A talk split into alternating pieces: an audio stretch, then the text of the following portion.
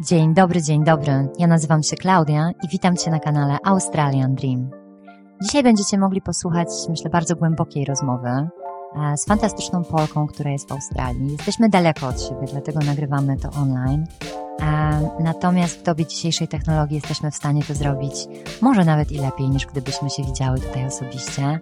Jest to kobieta, która mm, jest mamą, jest bizneswoman, która dos- doświadczyła wielu trudów na tej australijskiej ziemi i trochę o tych trudach i wychodzeniu z tych trudów, o wychodzeniu z mgły będziemy dzisiaj rozmawiać. Bardzo się cieszę, że się zgodziłaś. Jest to dla mnie zaszczyt i witam Cię serdecznie na tym kanale. Dziękuję i wzajemnie i gratuluję Klaudia inicjatywy. To, co robisz, jest naprawdę bardzo ważne.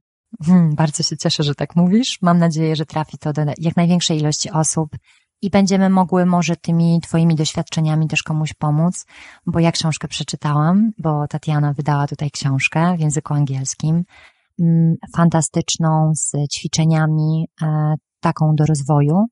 Dzisiaj dużo się o tym mówi, więc ja tą książkę pochłonęłam e, i chciałabym dzisiaj też o tym trochę pogadać, ale może najpierw o tym, skąd w ogóle wzięłaś się w Australii. Jestem z Poznania i Australia była w moim życiu od kiedy tylko pamiętam, jeszcze za czasów głębokiej komuny. Wujek e, wyjechał e, do Australii i gdzieś tam to ziarenko zostało zasiane. E, po czym moi rodzice starali się o wyjazd do Nowej Zelandii, do Australii, ale sytuacja tak się potoczyła, że nie wyjechali i generalnie na wiele lat e, o tym zapomniałam. Mhm. Ale w momencie, kiedy e, wyszłam za mąż, e, sytuacja nasza nie była taka, jaką byśmy chcieli. I w związku z tym po wielu pertraktacjach stwierdziliśmy, że wyjedziemy za granicę i że wyjedziemy do Australii. I podsumowując, y, mogę powiedzieć, że wyjechałam ze strachu, ale y, ten strach nie jest dokładnie tym, y, co możesz myśleć, ponieważ od decyzji, że wyjedziemy do Australii, do samego wyjazdu minęły dwa lata. I, i po, bo ponieważ przyjechaliśmy tutaj od razu jako permanent residents. Oh. Na, na, tak, nie, zaczy, nie zaczynaliśmy aż od wizy studenckiej, jak wielu, e, e, wiele osób tutaj, myśmy od razu przyjechali.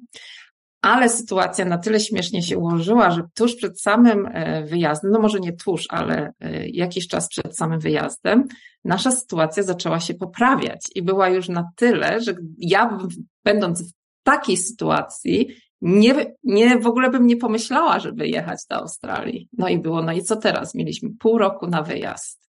No nieźle. Zostawić to wszystko, kiedy zaczęło się w końcu y, układać i dlatego powiedziałam, że wyjechaliśmy ze strachu, ponieważ ja nie chciałam słyszeć słów a trzeba było jechać w momencie, kiedy coś by się zaczęło układać, żeby moje dzieci też słyszały, a mieliśmy wyjechać do Australii, a mieliśmy wyjechać do Nowej Zelandii. Bo sama to słyszałaś? Bo sama to słyszałam i ja boję się żałować tego, czego nie zrobiłam. Bardzo dobra zasada. Wolę żałować tego, to, co zrobiłam. No dobra, ale poczekaj. Mówię, że wyjechałam ze strachu. Jak, jak to się stało, że w ogóle przyjechaliście tutaj, od razu mieliście PR-a? I w ogóle kiedy to było? Jaki to był okres czasu? To było w 2000, to było 13 lat temu, 14 lat temu, na y, zawód mojego męża. Tylko, że to było takie, y, to nie była prawda, ponieważ tutaj pisali, tak, informatycy, tak, przyjeżdżajcie, a tu się okazała jedna wielka, za przeproszeniem, kiszka, ponieważ jak stanęliśmy na australijskiej ziemi, to się okazało, że pracy wcale tak łatwo nie jest, e, pracy tak wcale łatwo nie jest dostać i przyszliśmy tutaj, no, było, było grubo, było ciężko. Okej, okay. a, a, czym, a czym ty się zajmowałaś w Polsce? W danym momencie, ponieważ moja ścieżka kariery była bardzo różna, w danym momencie była, pracowałam w Polskim Teatrze Tańca w Poznaniu u Ewy. O. Ale nie jako tancerka. Okej. Okay. Nie jako tancerka, pracowałam w biurze impresariatu, gdzie organizowaliśmy warsztaty, wyjazdy naszej grupy teatralnej za granicę i w Polsce.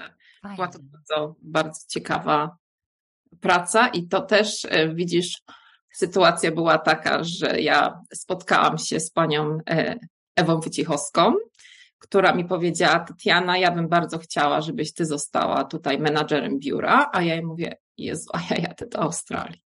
I w tym momencie był płacz i zgrzytanie zębów, ponieważ jakby spełniło się to, co chciałam, a ja musiałam powiedzieć nie. I to był ten, to, był, to była właśnie, to była taka trudna decyzja, co zrobić. No ale żeby nie żałować tego, to przyjechaliśmy. No i jesteście tutaj już. Jesteśmy. Lat. Jesteśmy, tak. A, a powiedz mi, jak, jak, jak przylecieliście, czym ty się tutaj na początku zajęłaś? Na początku się zajęłam generalnie czymkolwiek, ponieważ przyjechaliśmy tutaj nie tyle, ludzie mówią, że zaczę, zaczynają od zera. Myśmy nie zaczęli od zera, myśmy zaczęli od wielkiego, wielkiego minusa i jeszcze z małym dzieckiem, ponieważ nasza córka O. miała Ile miała? trzy lata. Trzy lata. Mhm. Okej. No tak, no to. to Nasza najstarsza. ja, ja jestem w stanie się domyślać, co, co się zadziewało. No i dobra, przylecieliście. Moja pierwsza praca, znalazłam ją na Gumtree. E, To była pani, miała swoje biuro w domu i sprzedawała biżuterię i dostałam pracę. Ktoś mógł powiedzieć w Polsce, no może fajnie, za 10 dolarów za godzinę, co się okazało, że jest stawką generalnie nielegalną, ponieważ minimum stawka była 23. Ale myśmy byli w takiej sytuacji, że jak ja zarobiłam, pracowałam 5 godzin i wyszłam z 50 dolarami, to ja z, radości miałam łzy w oczach, że ja mam w tej chwili pieniądze i mogę iść i kupić jedzenie dla dziecka.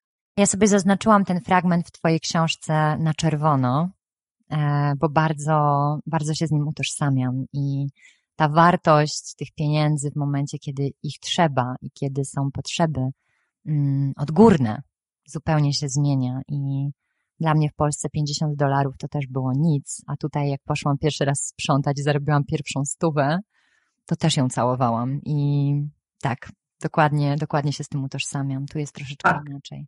No ale też musiałaś, e, musiałaś trochę pozbawić się tej swojej tożsamości z Polski. I ja też o to pytam tutaj dużo osób, ponieważ to jest niebywale trudne, kiedy przylatujesz, tutaj jesteś nikim i musisz naprawdę zaczynać e, od totalnego, totalnego dna i tak powoli, powoli, powoli się gdzieś tam wspinać, a wszystko to, co robiłaś wcześniej, nie ma kompletnie znaczenia. Pozycja proponowana menadżera czy ko- kogokolwiek yy, nie ma absolutnie znaczenia. Jesteś tutaj nikim i, i tak jak powiedziałam, nawet nie zero. Ja, bym, ja nawet nie czułam, że to jest zero. Ja czułam, że to jest dno, od którego się otworzyła klapa i tam ja jeszcze jestem niżej pod tym dnem. Trochę tak to jest. Tak, uczucie, uczucie było takie i powiem Ci, że gdybyśmy my byli w Anglii, to by nas już tutaj nie było. A że byliśmy, e, przepraszam, mam tutaj pieska. O, A żeby- jak miło. Jaki pies?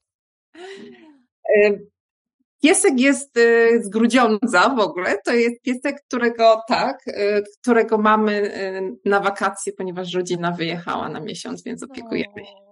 Tak, to jest nasz Bobby mały. Wiesz, ja, ja zostawiłam psa w Polsce, więc jakby powiedzieć, że tutaj wszystkie psy po prostu tule, e, miziam, kiziam i uwielbiam, nie? Więc jakby powiedzieć, tak, Dokładnie. fajnie, to fajnie, fajnie, fajnie, fajnie że macie czworonoga. Ale wracając do tematu, e, mm, co mówiłeś? Y, Okej, tak, że jest, aha, że jest siebie jeszcze poniżej, że jest, się- że jest się jeszcze poniżej tego, tego zera, tego dna. Tak, nie- a właśnie, że mm, powiedziałam, że wrócilibyśmy do Polski, ale Właśnie. perspektywa, że myśmy już tutaj przyjechali z wielkim długiem. Mhm. Powrót do Polski, zdaliśmy sobie sprawę, że nie jesteśmy w stanie tego spłacić, więc albo wóz, albo przewóz. Ale to był, był chyba jedyny moment w naszym życiu, kiedy siedzieliśmy oboje z moim mężem i razem płakaliśmy. Fajne takie momenty też są Ale to- w związku długo, długoterminowo, prawda? Tak, y, to było, to nas tak połączyło razem, myślę, ale tutaj wszechświat nad nami czuwał, muszę powiedzieć, że mimo tego poczucia bycia na dnie, to jednak wszechświat y, czuwał, ponieważ w momencie, kiedy już praktycznie zostało mi w kieszeni parę dolarów. Otrzymałam telefon z polskiej organizacji, z Polish Community Council of Victoria, że potrzebują na parę dni kogoś do układania papierów, ponieważ mój mąż nie mógł dostać pracy jako, jako informatyk tutaj. Jak długo? Generalnie on dopiero po kilku latach dostał pracę jako informatyk, musiał się y, przekształcić y, w coś innego. Mhm. Na początku nie mógł w ogóle dostać pracy jako informatyk. To było takie troszeczkę dziwne, ale mm, wydaje mi się, że też zderzenie kulturowe, ponieważ my jesteśmy jeszcze, przy, tak mi się wydaje, z tego pokolenia, nas w Polsce nie uczono jak się sprzedawać, wiesz, bo musisz być skromna, co ty będziesz tutaj o sobie opowiadać, że ty jesteś taka dobra. Mój mąż jest genialnym człowiekiem, bardzo mądrym ale on ci nie powie, jaki, w tej chwili już tak, ale wtedy on ci nie powie, jaki on jest dobry, jaki on jest przebojowy, co on umie zrobić. Generalnie domyśl się, no, no bo jak, no, no, no, no przecież to tak nie wypada, prawda, o sobie tak opowiadać. I on na polu tych Australijczyków, którzy przychodzili, którzy umieli mniej od niego, ale tak to potrafili powiedzieć, tak to potrafili sprzedać, on nie, nie mógł dostać pracy. I dodatkowa rzecz jeszcze dochodziła, local experience, czyli doświadczenie tutaj lokalne. Jeżeli go nie masz, to jesteś w ciemnej D, ale jak masz to zdobyć, jeżeli nie możesz dostać tej pierwszej pracy, więc, a, a życie się tak ułożyło, że pierwszą pracę dostałam ja i tutaj ukłony w stronę e, pani Bożeny Iwanowskiej, ponieważ rzeczywiście e, dostałam telefon, przyjdź na parę dni, poukładać papiery i to układanie papierów trwało kilka miesięcy. E, I tak się, tak się zaczęła powoli ta kula zawodowo, zawodowo kręcić, która potem się zupełnie przekształciła w coś innego, ale już była taka ulga finansowa, okay, kupię jedzenie, no, to, to powiem Ci, że grubo. To, to początek mieliście naprawdę bardzo, bardzo taki trudny i, i to podziwiam, że, że, że zostaliście, no ale tak jak mówisz, no nie mieliście za bardzo wyjścia. A kiedy ta sytuacja się ustabilizowała? Potem znowu był troszeczkę taki zjazd, ponieważ yy, z tej polskiej organizacji zaczęłam pracować w australijskiej e, firmie, ponieważ koniecznie chciałam w australijskiej. To była praca, której nie lubiłam, w korporacji, ale, ale z Australijczykami i zaszłam w ciążę. I wiedziałam, że to jest taki, i, i, i to był też moment znowu takiego trochę zjazdu, ponieważ żyliśmy z jednej, e, z jednej pensji, a Sebastiana, on jeszcze nie pracował wtedy w swoim zawodzie. Więc tak skracając, ponieważ mogłabym długo o tym opowiadać, ale skracając, e, dziecko było dla mnie błogosławieństwem też pod względem zawodowym, ponieważ ja bardzo chciałam być z dzieckiem y, w domu, ale jednocześnie to był czas dla mnie na zastanowienie się, co ja tak naprawdę chcę w życiu robić.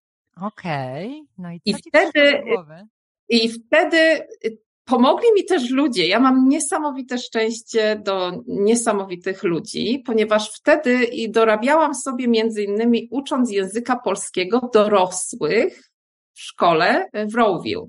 Mhm. I tam większość osób y, była nauczycielami. I mówili, Tatiana, dlaczego ty nie uczysz?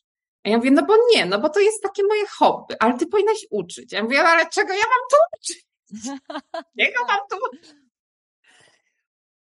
um, angielskiego możesz uczyć. Mówię, jak angielskiego? No ja jestem Polka w Australii, no to śmiech y, na sali, wiesz, jak ja mam tu uczyć angielskiego. Ale od y, słowa do słowa poszłam na kurs y, nauczania angielskiego dla dorosłych. Skończyłam y, studia i sytua- odpowiadając na pytanie, kiedy sytuacja się ustabilizowała, po, ja czuję, że największy przełom był wtedy, kiedy dostałam pracę jako nauczycielka y, dorosłych. To była już praca za, za dużo większą kwotę. To była taka śmieszna sytuacja na rozmowie kwalifikacyjnej, jeśli mogę powiedzieć, nie wiem, czy to nie. interesujące. Y, ja miałam cały czas w głowie, że zarabiałam 10 dolarów na godzinę. Tak. Y, potem ta sytuacja się zmieniła, potem powiedzmy było 20, ale tak nie schodziłam, to, to 20 to tak 30 czasami ale to były takie prace, wiesz, dorywcze. Mhm. I w momencie, kiedy y, pani, ta moja menadżerka, która notabene była Rosjanką, więc wtedy stwierdziłam, chyba jednak można uczyć angielskiego w Australii, będąc Polką. Mówi, Tatiana, stawka jest 75 dolarów na godzinę. Ja zrobiłam takiego banana, którego chciałam zachować profesjonalnie, ale mój uśmiech to po prostu chyba mi aż do oczu sięgał. Nie, nie mogłam tego tego Jezu, to jest po prostu, ja to będę jak królowa. No tak. Żyła, a ona mówi fajnie, nie? Ja mówię, no. Puściłam wtedy całą chyba para, para tego napięcia, tego wszystkiego zesz, zeszła ze mnie i to miała, to była tylko propozycja prac takiej ad hoc, ale samo usłyszenie, że Jezu, taka stawka i od, od propozycji właśnie pracy przyjdź raz po raz na zastępstwo jedynie bardzo szybko zostałam zatrudniona na cały etat tam. No to pięknie. I... To był taki moment, tak, i mój mąż krótko po tym, ponieważ my bardzo chcieliśmy też jednocześnie naszym dzieciom pokazać, że nie chodzi tylko o zarabianie pieniędzy, pieniędzy, ale na robienie tego, co naprawdę chce się robić. To było dla mnie bardzo ważne. Dlatego ja tutaj wróciłam na studia, kiedy y, Kaja była malutkim bobasem i ze łzami w oczach, przy piersi, studiowałam, żeby zostać tą nauczycielką, ponieważ ja czułam, że to jest to, co ja chcę robić. Ja muszę być z ludźmi.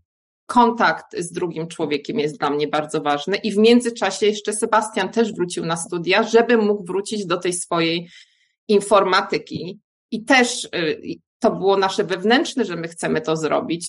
Y, sytuacja była troszeczkę cięższa przez to, że myśmy studiowali, ale był ten końcowy moment, y, widzieliśmy go, że będziemy robić to, co chcemy robić, to, co daje nam radość i jednocześnie dla mnie było też to, żeby pokazać dzieciom, że my nie idziemy do roboty i potem przychodzimy z roboty, na którą narzekamy, albo jest taka sobie, że my naprawdę lubimy robić to, co, to, co robimy. To było dla mnie, to też mi bardzo mocno przyświecało. A tutaj chciałabym zapytać, bo nasuwa mi się na myśl, czy to jest coś, co wy wyciągnęliście z domu na zasadzie takiej, że byliście tego nauczeni, bo widzieliście to w swoich rodzicach, że oni nie chodzili do roboty, czy chcieliście zrobić inaczej niż oni?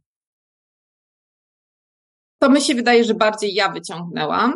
Nie jestem pewna, nie chcę tutaj mówić za Sebastiana, y, jak y, on to widział u siebie. Nie sądzę, żeby temat ten był bardzo mocno poruszany u, jego u niego w domu, aczkolwiek mo mogę się mylić, ale u mnie w domu był bardzo mocno poruszany. Moja mama była troszeczkę inna niż typowe mamy, na przykład zmieniła swoją karierę zawodową w wieku 50 lat zupełnie gdzie na tamte czasy to już możesz sobie wyobrazić, że człowiek siedzi w tej samej pracy całe życie i słyszałam, że bardzo ważne jest robić to, co, to, co, to, co się cieszy, żeby często słyszałam w domu, nie będziesz pracować nigdy, jeżeli będziesz robić to, co przynosi ci radość. I do tego, y, do tego dążyłam. Aż mam po prostu ciary, nie? Bo to jest, to jest w ogóle przepiękne i wy też uczycie tego swoje, swoje córki co jest. Dwie córki, tak? Dwie córki. Dwie córki, tak. Dwie córki.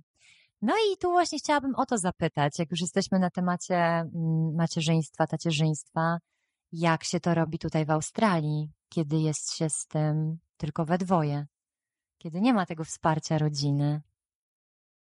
No, to jest dobry test na małżeństwo, przynajmniej w naszym przypadku, ponieważ nie ma, nie było żadnej pomocy z żadnej strony, nawet na sekundę, tak? Jak jeszcze jak Nadia miała trzy lata, jak wyjechaliśmy, to ja już miałam takie poczucie, nigdy nie wykorzystywałam specjalnie bab, babć, ale kiedy byłam na przykład chora, czy źle się czułam, no to był ktoś, kto, kto przejąć, a tutaj takiej sytuacji nie było. Mój mąż pracował od e, rana do wieczora, a ja od rana do wieczora byłam z dzieckiem. Bardzo stałam się w tym momencie nieprzyjemną osobą dla niego, zmęczoną. Ty pracujesz, ty masz tak fajnie, on, a ty masz tak fajnie, bo jesteś w domu i pamiętam te kłótnie, był taki moment e, kłótni w domu Do momentu, kiedy sytuacja się tak obróciła, że on stracił pracę i ja poszłam do pracy i on został w domu. Mhm. I przyszło niesamowite zrozumienie, bo mówi, nie uwierzysz, co się stało. Ja, No co ty? I tak, i w, w tym momencie skończyły się nasze jakiekolwiek kłótnie, że ty masz lepiej, czy ty masz gorzej. Ale rzeczywiście z jednej strony jest to taka, można powiedzieć, orka, bo jesteś z dzieciątkiem non-stop, nie ma kto zastąpić. Ja, myśmy mieli rocznicę ślubu i ja poprosiłam o prezent dla męża, od męża. Ja mówię, czy ja mogę iść spać? O. Naprawdę. I to było tylko jedyne, co ja chciałam. Ja po prostu chciałam iść spać. Ale jest też druga strona medalu. Bycie z drugiej strony tak razem, ja widzę teraz po latach, jak my jesteśmy blisko z naszymi dziećmi. Mhm. Temu też. Że mieliśmy też możliwość, może to zabrzmi trochę brutalnie, ale wychowania dzieci na naszych warunkach. Myśmy zawsze byli inni troszeczkę. Kiedyś, jak właśnie byłam w teatrze, jeszcze pracowałam, ktoś mi powiedział, ty musisz Tatiana wyjechać, bo ty jesteś za inna. Mhm. Myśmy w tyle lat temu przeszli w Polsce na wegetarianizm. To był kosmos. Nasze podejście już wtedy było takie duchowe trochę do życia. Myśmy szukali tej praktycznej fi- filozofii, y, y, pracy z podświadomością. Tak raczkowało, to raczkowało, ale myśmy już oboje w tym, ym, w tym byli. Szukali troszeczkę innych, y, innych dróg nie byliśmy tacy u fruwający wbrew pozorom bardzo mocno na ziemi, ale, ale troszeczkę mieliśmy inne myślenie do, tak, do takiej typowej osoby, jeśli, mo, jeśli to tak mogę um, powiedzieć. I mieliśmy dzięki temu możliwość wychowania dzieci dokładnie tak, jak my chcemy je wychować. Um, Tutaj Więc nie mogę. szukając pozytywów, Mhm.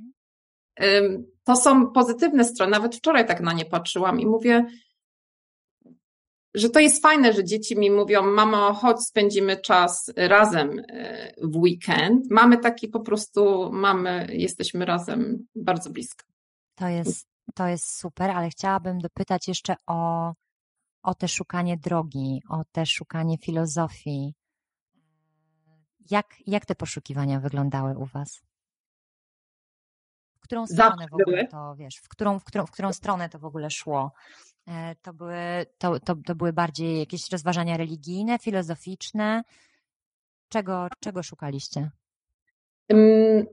Nie powiedziałabym, że to były rozważania religijne, ponieważ my nie ciągnęło nas do kościoła jako instytucji, ale czuliśmy zawsze, ym, że jest coś więcej, że jest jakaś siła wyższa, że jest kosmos, który nad nami czuwa, albo wszechświat, obojętnie jak to nazwiesz, Bóg, Y, ale nie w kontekście takiego y, kościoła, tylko bardziej y, du- duchowo. Mhm. I interesowały nas tematy. Wtedy, jeszcze, wtedy wyszedł film Sekret. O, tak. To było dawno temu i, interesowały właśnie, właśnie nas tematy, jak my możemy naszymi myślami, wtedy było myślami kierować. Teraz wiem, że to bardziej też chodzi o uczucia, ale wtedy dużo mówiono o myśl, myśli, afirmacje. Wiesz, moja mama już miała na kasetach, na kasetach Louis Hay. Louis Hay leci, leciała w domu non-stop, więc gdzieś tam już tam te ziarna były zasiewane, więc nie pod kątem religijnym, bardziej pod kątem takim duchowym. Mhm. Nie, niekoniecznie. Um, aczkolwiek uważam, że Kościół teraz, po wielu latach, też widzę, że Kościół też wiele dobrego potrafi w życie wnieść. Tylko to każdy musi sobie znaleźć swoją własną ścieżkę. Ja myślę, że ja też jakby szukam stale i, i czegoś, czegoś um, próbuję się dokopać. No i dochodzę do takich wniosków, że to jest wszystko ze sobą bardzo podobne. Natomiast nie mówię tutaj, że religię i filozofię, natomiast na pewno jakby ideo, ideologicznie to, co później dostajesz, kiedy ty się dokopujesz, no to myślę, że każdy może to znaleźć gdzie indziej, ale chodzi o to, żeby to zarezonowało z tobą, żeby żeby faktycznie poczuć to, że, że to jest ta droga, nie? I mm, ale taka, taka potrzeba to jest super w ogóle interesujące, o czym powiedziałaś, bo ja też bardzo mocno się z tym utożsamiam. Ta potrzeba poszukiwania. I tutaj dużo osób w Australii z mojego otoczenia się wzięło właśnie z tego powodu, że szukało i gdzieś to ich tutaj zaprowadzało, więc to jest w ogóle super, e, super ciekawe, że, że was też to poszukiwanie jakiegoś głębszego sensu zaprowadziło aż tutaj. No i nie mogę nie zapytać, co tutaj odkryliście w tym poszukiwaniu. Odkryliśmy, że suma summarum wszystko na, na końcu i tak jest dobrze. Hmm. Nie ma co się um, aż tak bardzo zamartwiać. Okej. Okay. I nawet, te, I nawet te trudne chwile, w danym momencie, kiedy jest ta trudna chwila, to nie jest łatwo mi znaleźć ten, to poczucie, że to do czegoś doprowadzi, że to ma jakiś sens. Ale patrząc na moje własne życie, ponieważ y, trudno mi to spojrzeć tak globalnie, kiedy widzę na przykład, jak y, dzieci cierpią y, w wielu sytuacjach, tego, tego nie rozumiem z punktu widzenia takiego duchowości i w pewnym momencie dałam sobie z tym spokój, żeby to spróbować zrozumieć, ale patrząc tylko tutaj na, na swoje życie, wszystko ma sens.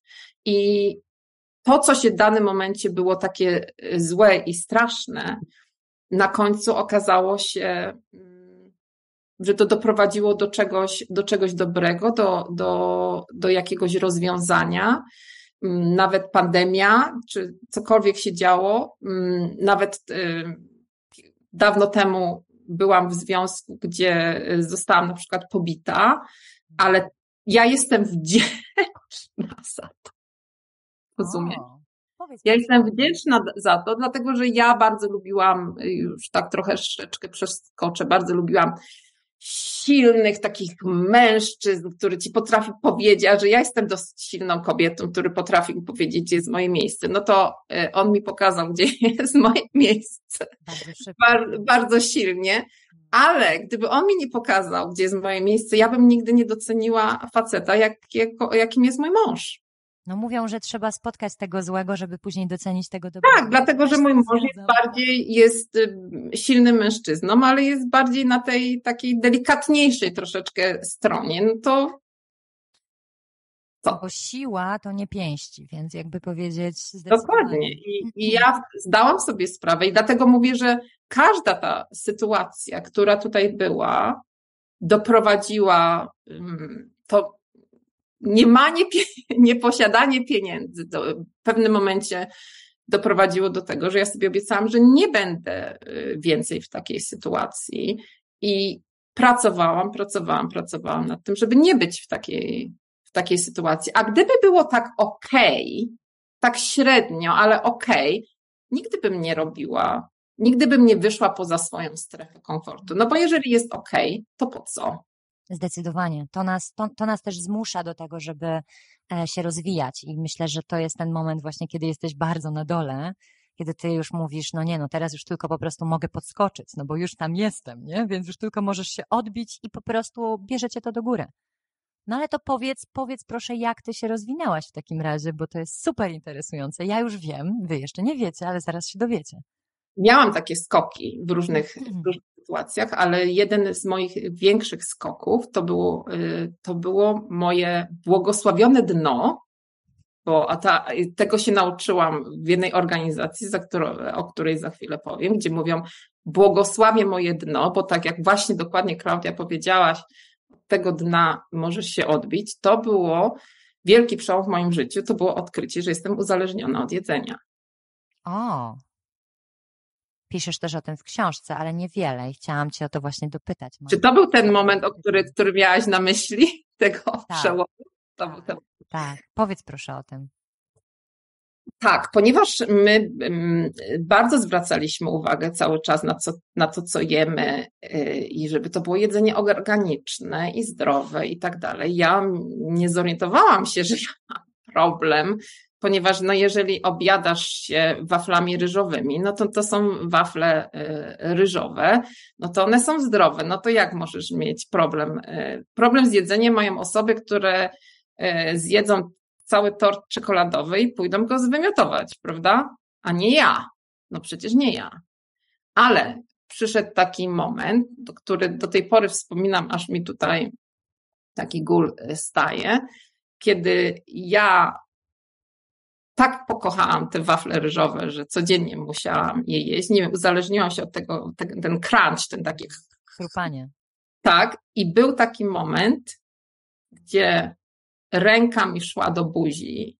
Ja jej mówiłam przestań, a ona nie chciała przestać i mi łzy leciały. Ja mówiłam, proszę cię, przestań, bo ja już byłam tak nażarta, tak straciłam kontrolę nad tym, że to był moment chyba mojego największego takiego psychicznego, e, jednego z psychicznych deń, dnów Den. mojego dna. Chyba den. Mojego, tak. I to był nawet, e, tak jak ja generalnie, dla mnie to była wielka sprawa. Mówię mężowi, gdzie ja idę. Ja poszłam na spotkanie. To się w Polsce tak niezbyt ładnie nazywa anonimowi żarłocy, a tutaj to się nazywa Food Addicts Anonymous, czyli taka organizacja, o której już wiedziałam od mojej mamy wcześniej i czułam, że, że coś jest nie tak, ale było tak okej, no to nie musiałam przecież do nich iść.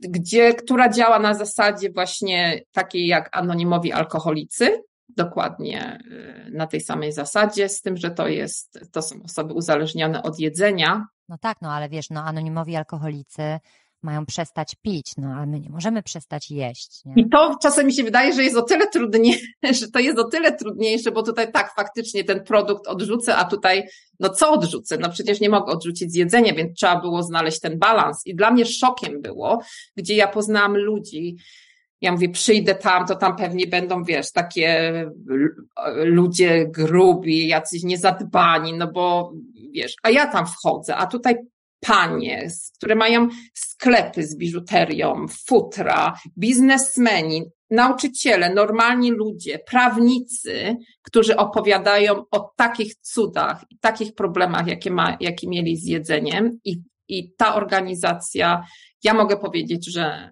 uratowała mi życie, bo psychicznie bym chyba długo, na pewno byłabym w zupełnie innym psychicznym miejscu. I tam właśnie nauczyłam się słowo błogosławione dno, ponieważ ten, kto nigdy nie dotknie tego dna w uzależnieniu, nie jest w stanie z niego wyjść. Mhm. To też się przekłada na inne sfery życia również, ale. A powiedz mi proszę, jakie jest podłoże takich zaburzeń odżywiania? Czy to jest regulowanie emocji, czy to jest jakiś sposób radzenia sobie ze stresem? Jak się w to wpada, nie?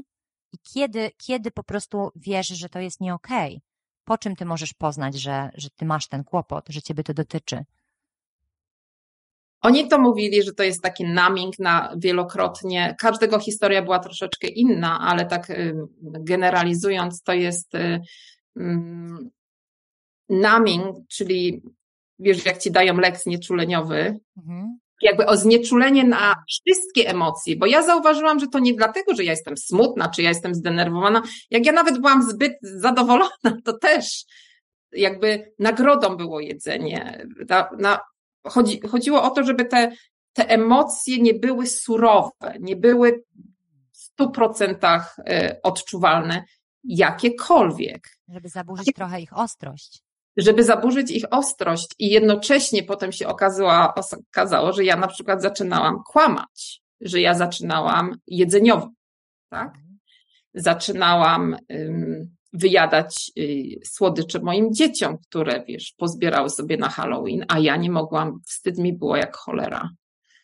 Nie, nie mogłam się powstrzymać i po prostu zjadłam dzieciom i potem głupa waliłam.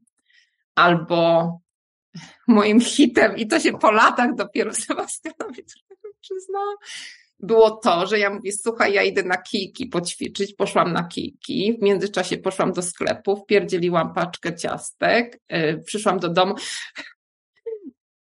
mówi, co, ostry spacer na... A ja na żadnym spacerze nie byłam, ja po prostu bombałam ciacha po drodze. Mhm.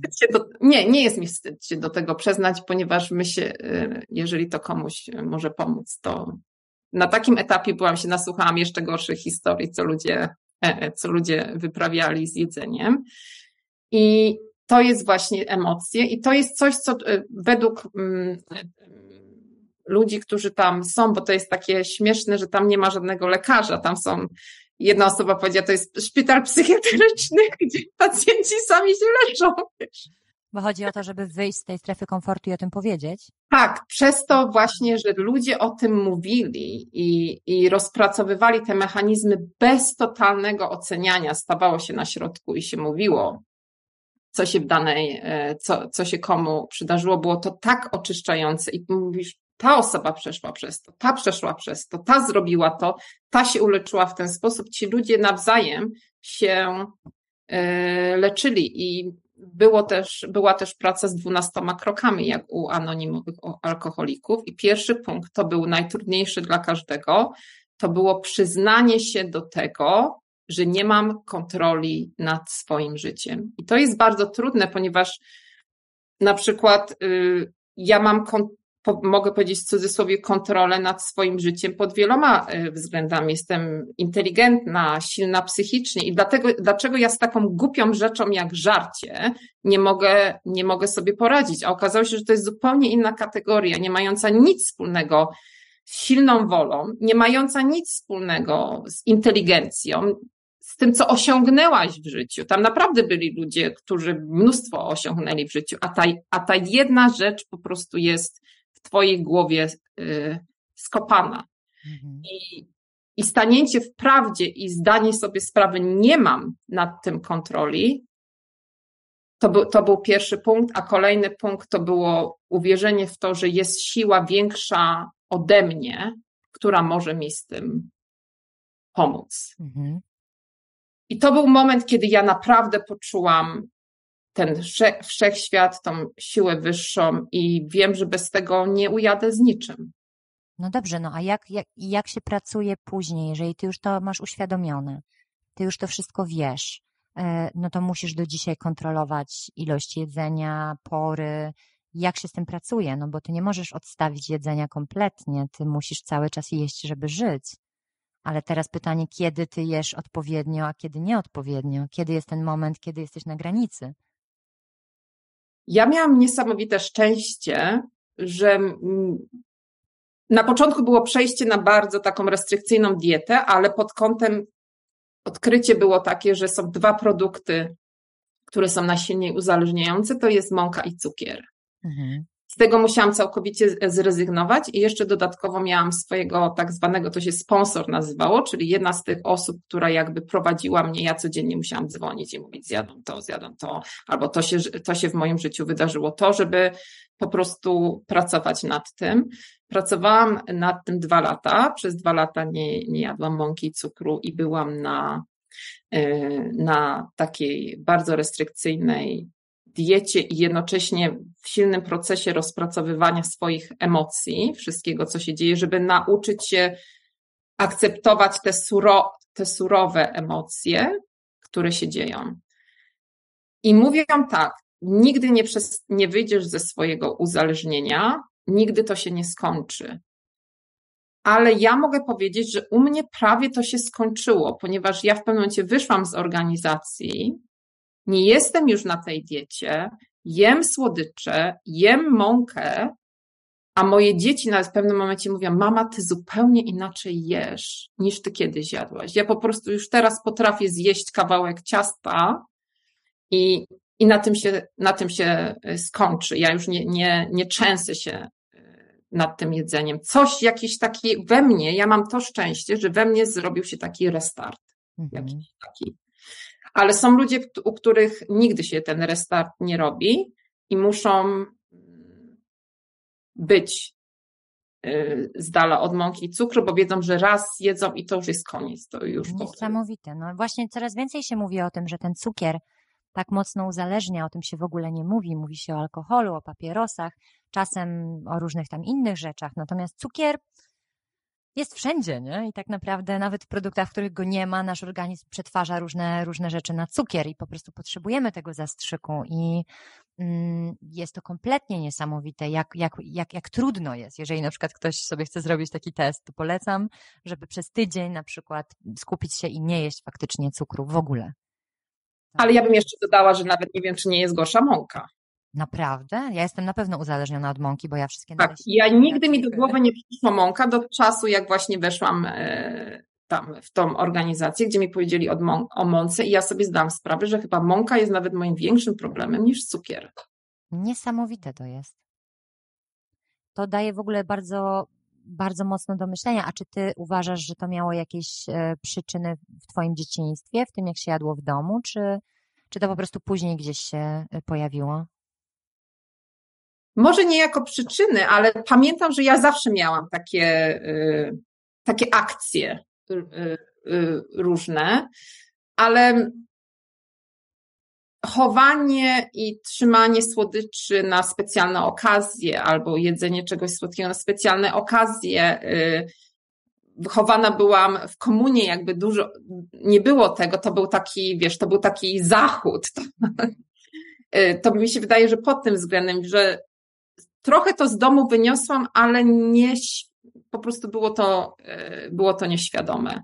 Ale z drugiej strony mm, moja siostra się chowała w tym samym domu i, i tego nie wyniosła, więc to też był, jest coś, co musiało według mnie gdzieś tam, gdzieś tam z tyłu głowy być. U ciebie. Mhm. Tak. A jakbyś mogła powiedzieć tak, powiedzmy dla naszych słuchaczy, jeżeli o interes na przykład by się zastanawiali, czy być może ich dotyczy ten problem, to kiedy, kiedy jest taki sygnał, żeby się nad tym może zastanowić, taki, taki jednoznaczny, że, że wiesz, że mówisz, o, to mnie na pewno dotyczy, może trzeba tutaj się nad tym pochylić.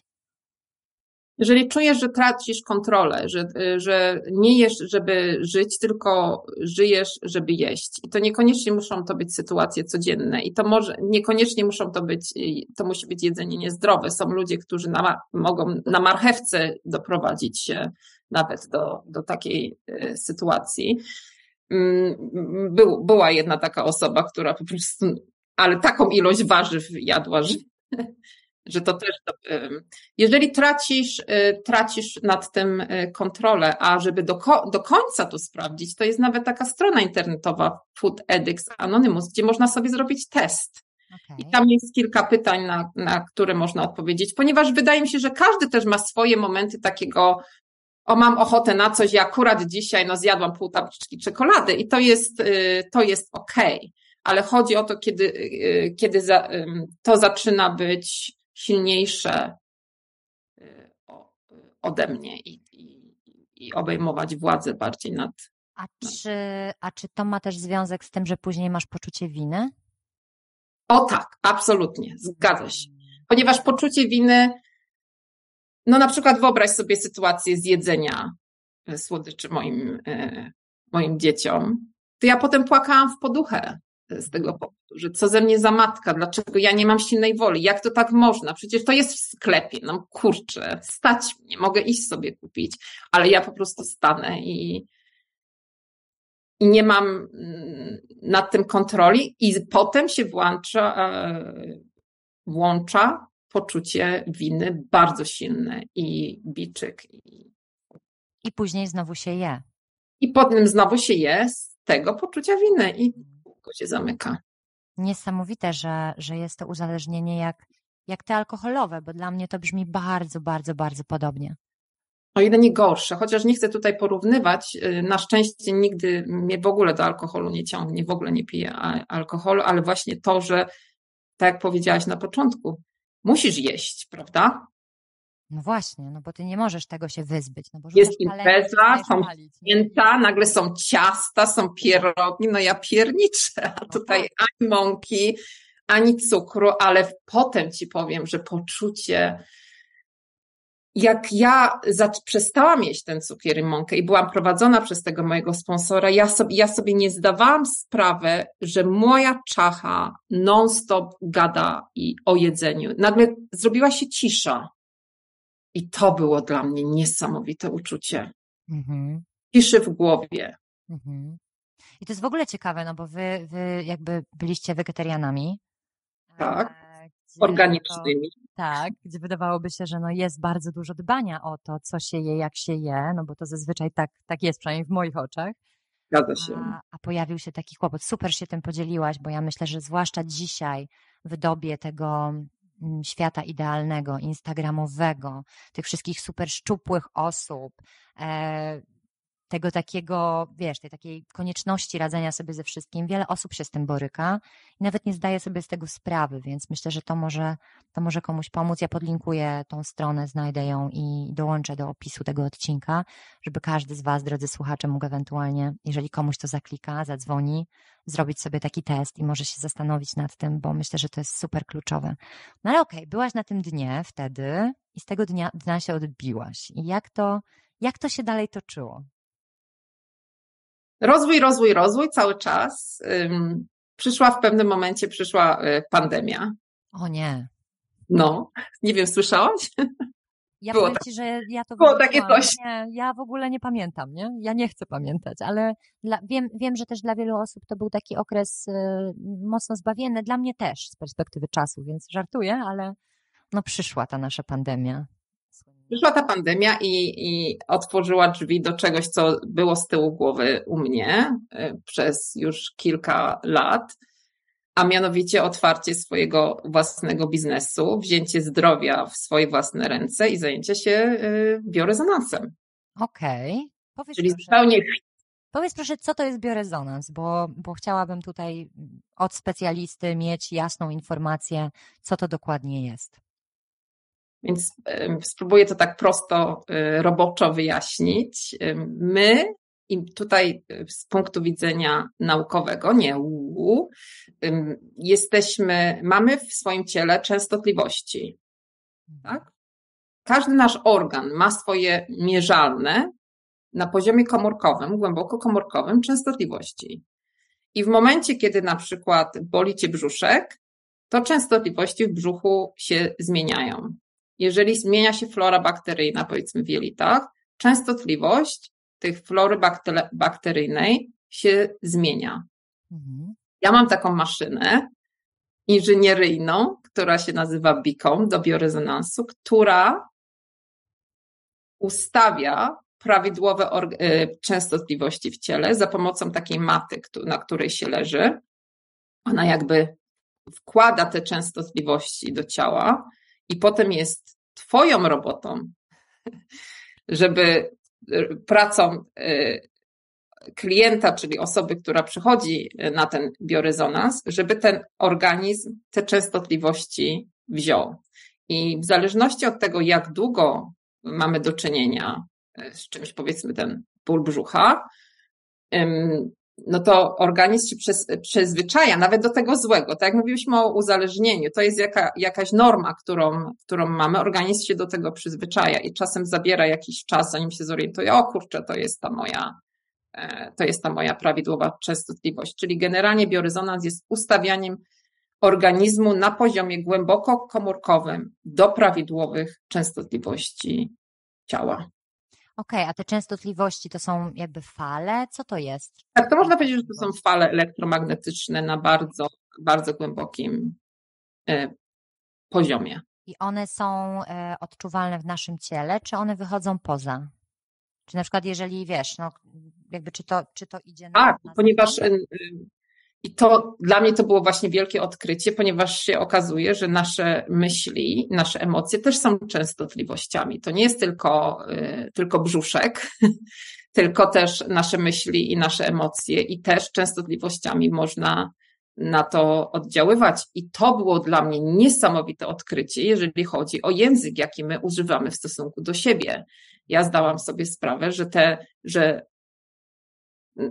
częstotliwości z tych negatywnych, a ja tu jestem siebie najbliżej, czyli jeżeli ja sobie powiem, o ty głupia, dlaczego ty to zrobiłaś? I idzie zatem e, to, to to wchodzi bezpośrednio w moje ciało i może i bardzo często jest tak, że uderza w nasze narządy wewnętrzne i y, także ma olbrzymi wpływ na naszą psychikę, więc tak jak sobie wcześniej powtarzałam nie, i słyszałam od mojej mamy też, nie mów o sobie brzydko, bo to tak, bo to niedobrze. Ten, a tutaj nagle patrzę, że to ma, y, fizycznie widzę, jaki to ma wpływ na, na człowieka. Mhm. To było dla mnie niesamowite odkrycie, ponieważ ja nie chciałam być tylko panią od biorezonansu, która robaki wywala z ciała. Bardzo mnie interesowała ta emocjonalna strona człowieka.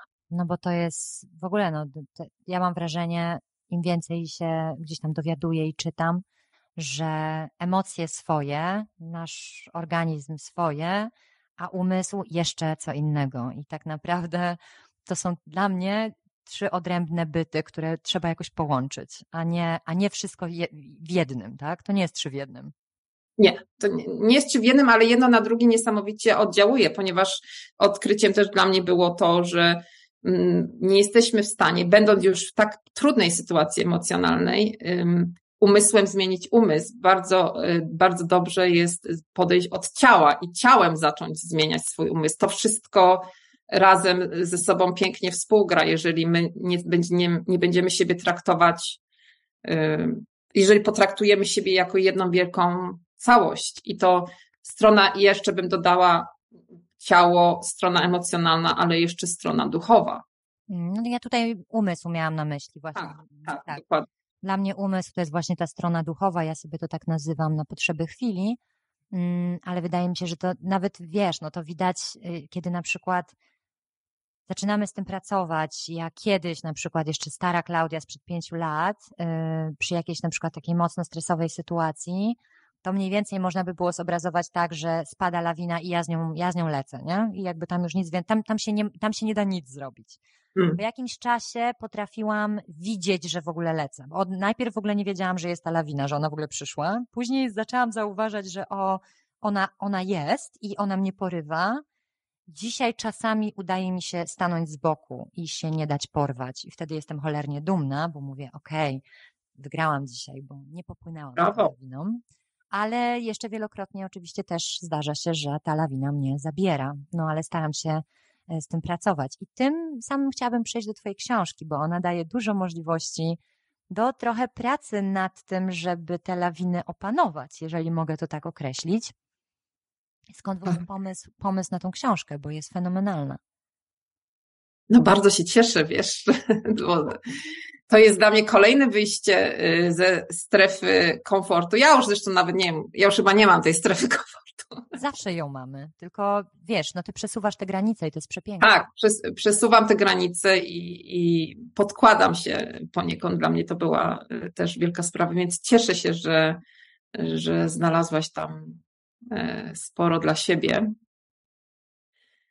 Otwarcie mojego biznesu y, było dla mnie, będzie tak wspaniale, będzie tak cudownie i w ogóle ja będę na swoim i tak dalej. A się okazało, że ja nagle nie umiem pracować bez, y, bez biczyka. Hmm. Wiesz, i to był taki impuls, ale oczywiście w tej książce zebrane są lata, lata, lata y, pracy nad sobą, bo to nie można powiedzieć, to tutaj się stało i ja to opisałam. To są, e, to są jednak lata pracy i, i przemyśleń. Ale to był moment, kiedy zaczęłam grzebać w temacie samodyscypliny. Hmm, dyscyplina. Tak, ponieważ ja jestem energetyczna, ja dużo potrafię zrobić, ale się nagle okazało, że kiedy mi się nie chce, to mi się nie chce i Koniec.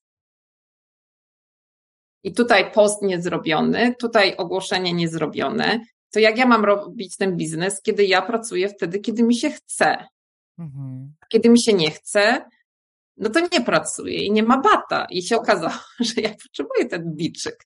Mówię, jasny gwint, no to co teraz? Przecież nie będę y, się biczować jakoś tak sama. I, i, I postanowiłam jakoś zrobić tak oszukać sama siebie. Oszukać sama siebie. Zaczęłam od oszustwa. Okej. Okay. Pomyślałam sobie, co jest takiego, co ja lubię robić, moje ciało. Bo mówię tak, czachą znowu tym umysłem tego nie zmienię. To już wiedziałam. E, potrzebuję do pomocy ciało. No to co mogę zrobić, żeby zacząć pracować nad, nad tą samą dyscypliną? No to co lubię robić? No to lubię spacerować. Okej. Okay. no to codziennie będę spacerowała dwa kilometry. kilometry. Mhm. Okej, okay. Ale będę to robić codziennie. Pada, nie pada, bo ja codziennie, y, ja sobie spacerowałam, ale też wtedy, kiedy mi się chciało. A tutaj nagle postanowiłam robić to codziennie, zaznaczać sobie na strawie, że to było zrobione i tak dalej. Do tego też mnie zainspirowała Kamila Rowińska. Mhm. Ona wprowadziła takie wyzwanie. Okej. Okay. I zaczęłam robić to y, wyzwanie z Fundacji Kobieta Niezależna i zobaczyłam, i to było, to było dla mnie niesamowite odkrycie, jak praca nad ciałem te dwa kilometry zaczęły wchodzić w mój umysł i nagle się okazało, że w momencie, kiedy ja nie czuję, żeby pracować, nadal zaczęłam pracować. Tylko różnica była taka. Zrobiłam robotę, jak mi się chciało, a innego dnia zrobiłam, jak mi się nie chciało, ale nadal zrobiłam. To było dla mnie niesamowite odkrycie, właśnie jeżeli chodzi o, o, o samodyscyplinę, ale potem zaczęły dochodzić kolejne rzeczy, jeżeli chodzi o nasz system hormonalny jako kobiety, jeżeli chodzi o nasze tendencje do biczowania siebie, co jeśli y, któregoś dnia w końcu nie pójdę na ten spacer, to co wtedy? No właśnie, co wtedy? No to jest okej. Okay. Tylko teraz kwestia przypracowania, jaki jest powód, że nie, że nie jedziesz na ten spacer. Czy to dlatego, że na przykład masz okres i musisz odpocząć? To wtedy jest ok. Czy to jest typowe tylko czyste lenistwo, czy to jest to, że potrzebuje przerwy? Bo czasem potrzebuje też przerwy. My, kobiety z naszym e, systemem hormonalnym, nie jesteśmy tak jak faceci, którzy generalnie się czują podobnie każdego dnia. My idziemy up and down, up and down. Ciekawa jestem, czy któryś mężczyzna to skomentuje, bo je, jestem, jestem niemalże przekonana, że na pewno.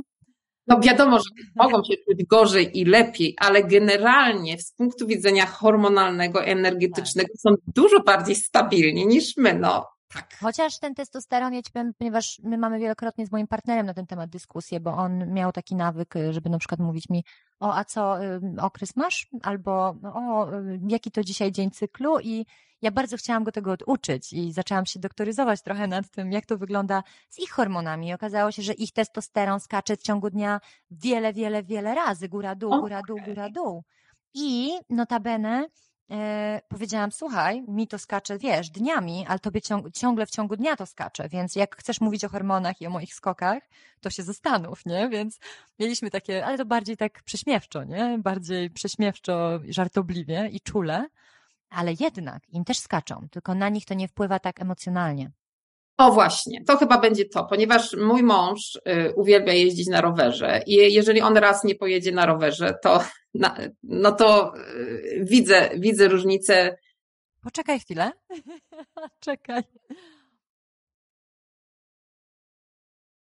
No i co, mąż, mąż? Bo kurier do no, Mąż mu jeździ na rowerze i generalnie on oprócz, jeżeli naprawdę y, zachoruje, to jest jedyny moment, kiedy na tym rowerze nie pojedzie. Hmm. E, a bardziej przy naszych hormonach wydaje mi się, że są momenty, kiedy musimy czasem sobie odpuścić albo mm, zrobić sobie przerwę. I też o tym pięknie piszesz właśnie w książce. Mnie się bardzo ten rozdział podobał i też go sobie zaznaczyłam, bo ta przerwa jest dla nas bardzo ważna wielokrotnie i to jest taka zdrowa przerwa. To nie jest zdrowa przerwa i świadoma przerwa i to jest wtedy bardzo fajne. Myślę, kiedy to jest zdrowa przerwa i be, bez, ja to bez, bez tego biczyka. O Jezu, dzisiaj nie poszłam, dzisiaj nie zrobiłam, to ja jestem taka siaka i owaka. Wydaje mi się, że mamy tendencję bardzo, jesteśmy Mm, bardzo wymagające, często w stosunku do siebie, perfekcyjne. Jak już się za coś wezmę, no to już muszę to robić codziennie. I, i warto by było też y, świadomą, nawet z taką intencją, przerwę sobie y, zrobić. Ja miałam ostatnio taką sytuację, zauważyłam, że i wydaje mi się, że dużo kobiet to ma, że przed okresem mam ochotę na czekoladę. Mhm. A normalnie nie, nie, staram się nie jeść tych słodyczy, ale przed tym okresem i postanowiłam, wiesz co, ja sobie zjem tą czekoladę, ale z taką radością. I zjadłam sobie tą czekoladę. Jaka fajna to czekolada, jakie to było dobre, jakie to było. I na drugi dzień już mi się nie chciało tej czekolady, ale energetycznie i też wiedząc, pracując z biorezonansem, te częstotliwości tych myśli, bo ja wiem, że jeżeli ja będę się biczowała za tą czekoladę, to ona naprawdę y, może mi krzywdę gdzieś tam po jakimś czasie y, zrobić, jeżeli tego będzie coraz więcej, coraz więcej tego biczowania. A jeżeli ja to zrobię z radością, zresztą nic złego w czekoladzie, jeżeli ja to zrobię z radością, to ja jeszcze doładuję sobie y, ciało tym.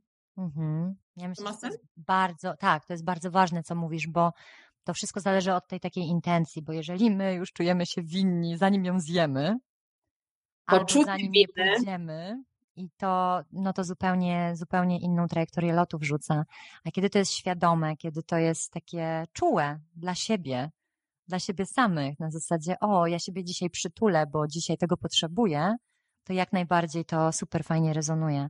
Mi się jeszcze, a propos tych, tych dwóch kilometrów, e, mi tam zaklikało to, że to jest trochę też takie budowanie tego nawyku. Masz takie wrażenie, że to mocno pomaga? Absolutnie. I to właśnie fajnie, jeżeli zaczynamy ten nawyk budować na czymś, co lubimy, co nie jest do końca trudne, tak jak dla mnie był ten spacer, nie do końca trudny, ale jednak było jakieś mini przełamanie w tym, że padało, a tutaj w Melbourne potrafi padać, y, że tak czy tak y, musiałam iść i to zaczyna kreować nawyki, które zaczynają wchodzić w najróżniejsze dziedziny naszego życia. I to było dla mnie niesamowite odkrycie, że od banalnego spaceru można zmieniać najróżniejsze sfery y, swojego życia.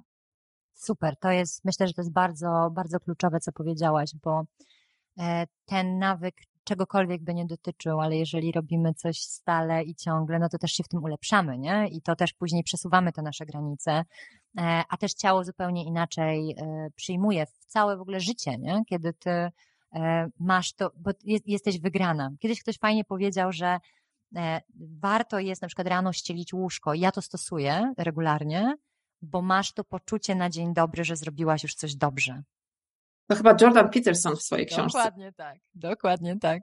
Ja uwielbiam ten i za każdym razem się uśmiecham do siebie, jak ścielę to łóżko rano, czego nie miałam przez całe lata i mówię, tak, już zrobiłam coś dobrze ten dzień i już jakby idę z inną energią i to jest, myślę, że te małe rzeczy, one później zmieniają, bo one kreują tą naszą rzeczywistość, one zmieniają bardzo dużo. Wydaje się, że to jest tak, tak niewiele, a zmienia bardzo wiele. Życie się składa z tych małych rzeczy. O właśnie. I tak samo jest z cieszeniem się. Jak się nie cieszysz z tych małych, te duże też cię nie cieszą. Mnie się też bardzo podobało w twojej książce to, że tam zachęcasz do tego, żeby pisać. I, I to są takie rzeczy, bo później też masz do tego wgląd. Bo jeżeli tylko myślisz, no to później o tym nie pamiętasz, ale jak patrzysz z perspektywy czasu, jak to się zmienia, jak ty budujesz te nawyki, jak to wszystko ci przychodzi i to później z tobą zostaje, to jest niesamowite z punktu widzenia kilku lat na przykład, nie? kiedy ty sobie to mm, zapisujesz. I też ma jakąś taką, nie wiem, czy to też ma falę, że to rezonuje. Kiedy ty to napiszesz, to to, ja nie wiem jak to działa, ale to się później zadziewa, nie? Słowa, słowa napisane mają także swoją częstotliwość. No. Y, ale też ja się dokopałam do informacji, że nasz mózg w połączeniu z naszą ręką, kiedy my, my, y, my piszemy, to też y, powstaje takie, takie połączenie. I to też jest lepsze dla nas, kiedy my, my piszemy nawet nie tyle na telefonie, tylko właśnie tylko właśnie ręką. Ręką i też, też tam właśnie. No, ja miałam takie z tym biorezonansem właśnie. To jak ja to przypadkiem e, i też rozmawiając, mam taką swoją mentorkę w Polsce od biorezonansu, z którą, e, która trochę pracuje inaczej niż normalnie. Często używa się w biorezonansie takich fiolek e, z częstotliwościami. A ja nie miałam tej fiolki tylko na, napisałam słowo i ja pracuję z takim biosensorem, który się porusza tak albo nie. I ja zobaczyłam, że to się zaczyna ruszać w jedną albo w drugą stronę, kiedy ja przejeżdżałam przez najróżniejsze słowa, a będąc osobą bardzo mocno chodzącą po ziemi, to był dla mnie, to był dla mnie szok. Mhm. Nawet kiedy osoba mówiła, biosensor się rusza, a kiedy przyjeżdżałam palcem przez słowa, też biosensor się ruszał albo w jedną, albo w drugą stronę. Niesamowite. A to trzeba, myśl, myślisz, że to trzeba mieć jakieś szczególne umiejętności, ty jako osoba, żeby móc to robić, czy może to robić każdy? Mi się wydaje, że to każdy może robić, ale przed każdą e, sesją, kiedy mam z klientem, ja bardzo mocno się oczyszczam, żeby nie, nie wchodzić z żadną oceną. Chociaż już teraz się przekonałam z moją maszyną, że na przykład mi się wydaje, że ten program będziemy używać, a się okazuje, że zupełnie inny program będziemy używać e, niż, niż planowałam. Zajęło mi to trochę czasu, zanim poczułam rzeczywiście, że, że mogę to robić, ale dlatego, że sobie ćwiczyłam na, taki, na takim neutralnym gruncie, czyli zaczęłam też, można powiedzieć, od tych spacerów, mhm. czyli najpierw e, na koleżance, a potem na, na kimś tam, tak po prostu sobie praktykowałam dla zabawy. I w ten sposób się nauczyłam, na, na zasadzie takiej czegoś, co mi sprawia, daje mi spokój i sprawia mi radość i nie mam żadnej presji, do tego doszłam, że już mogłam zacząć pracować y, z osobami, które, które nie znam, które przychodzą do mnie na sesję. Ale uważam, że każdy, każdy z nas, dlatego że każdy z nas ma też energię, każdy z nas ma częstotliwości i to jest kwestia, co, co się chce robić. Mhm. Nie, ja nie jestem osobą, która widzi aurę, ja nie jestem e, osobą, która uważa, nie uważam, że mam jakieś niesamowite zdolności. Ale Dlatego czujesz? Myślisz, że czujesz więcej? Coraz więcej czuję. Hmm. W miarę praktyki ja zauważam, że często y, widzę, na czym, ja już czuję, na czym się zatrzymam. Dużo też pracuję w związku z tym, co robię, dużo pracuję też nad otwarciem serca. O, pięknie. I to powoduje, że coraz więcej czuję też. Jak, jak, jak, jak się otwiera serce? Między innymi można robić coś takiego. Ja za, y, moją przygodę z otwieraniem serca zaczęłam od medytacji z koherencją serca, czyli od połączenia umysłu, umysłu sercem i wprowadzania emocji, yy, wdzięczności, radości i miłości. Ale to jest, tutaj czuję, że jeszcze jestem w procesie, dlatego że to serce bardzo łatwo też y, się zamyka, kiedy są trudne sytuacje. Mhm. Puszczanie, praca nad sercem to też e, puszczanie rzeczy, które nam już nie służą, które robię e, poprzez medytację, albo nawet można sobie dawać takie, to jest cały taki dłuższy proces, ale masując nawet tutaj sobie czoło, tutaj gdzie mamy e, trzecie oko medytacji, że uwalniam wszystko, co mi nie jest, co mi już nie służy i, i robi się miejsce dla otwarcia serca, ale serce jest tak silne, jest tak niesamowite i na przykład często jest tak, że jeżeli zadaję sobie pytanie i szukam odpowiedzi, to proszę serce, żeby mi już teraz odpowiedziało, a nie głowa. Kiedy oni razem pracują, kiedy serce staje się szefem, a mhm. umysł pracownikiem, to jest rewelacyjne. O, bardzo fajne powiedzenie. Podoba mi się. Ale też nie możemy wykluczać, y, wykluczać umysłu, bo wszystko, co mamy, jest nam bardzo potrzebne. Ale tutaj no nie mogę, nie mogę nie zapytać w związku z tym, czym, czym ja się interesuję trochę, e, czy tutaj są jakieś wpływy z takiej medytacji wschodniej? Tak, mogę powiedzieć, że tutaj też są wpływy y, z medytacji wschodniej, bardziej taki miks y, najróżniejszych rzeczy, ale też y, różne robię medytacje. Robię takie właśnie medytacje typowo, typowo wschodnie, że siedzę i skupiam się na oddechu.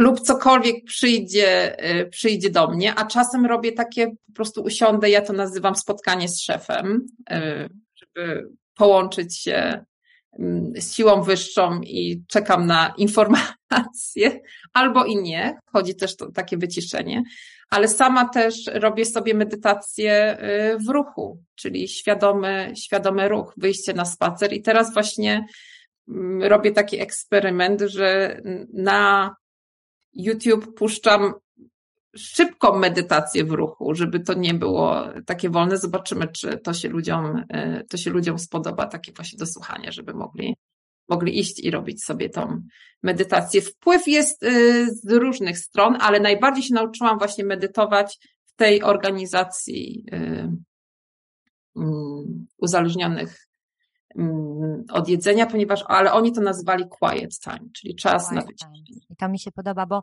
e, no ja, ja odnoszę takie wrażenie, że dużo się mówi teraz o medytacji, natomiast no medytacja we wschodnim rozumieniu ma trochę inny cel niż ta, o której dużo się mówi, jeżeli chodzi o ćwiczenia oddechowe, o uspokojenie się, o usłyszenie siebie, o ćwiczenie uważności. Naprawdę medytują po to, żeby osiągnąć oświecenie i żeby to koło samsary przerwać, czyli to koło cierpienia, którego doświadczamy w naszym życiu. I to jest to, po co według mnie medytują mnisi. Tego ja się doszukałam w literaturze wschodu.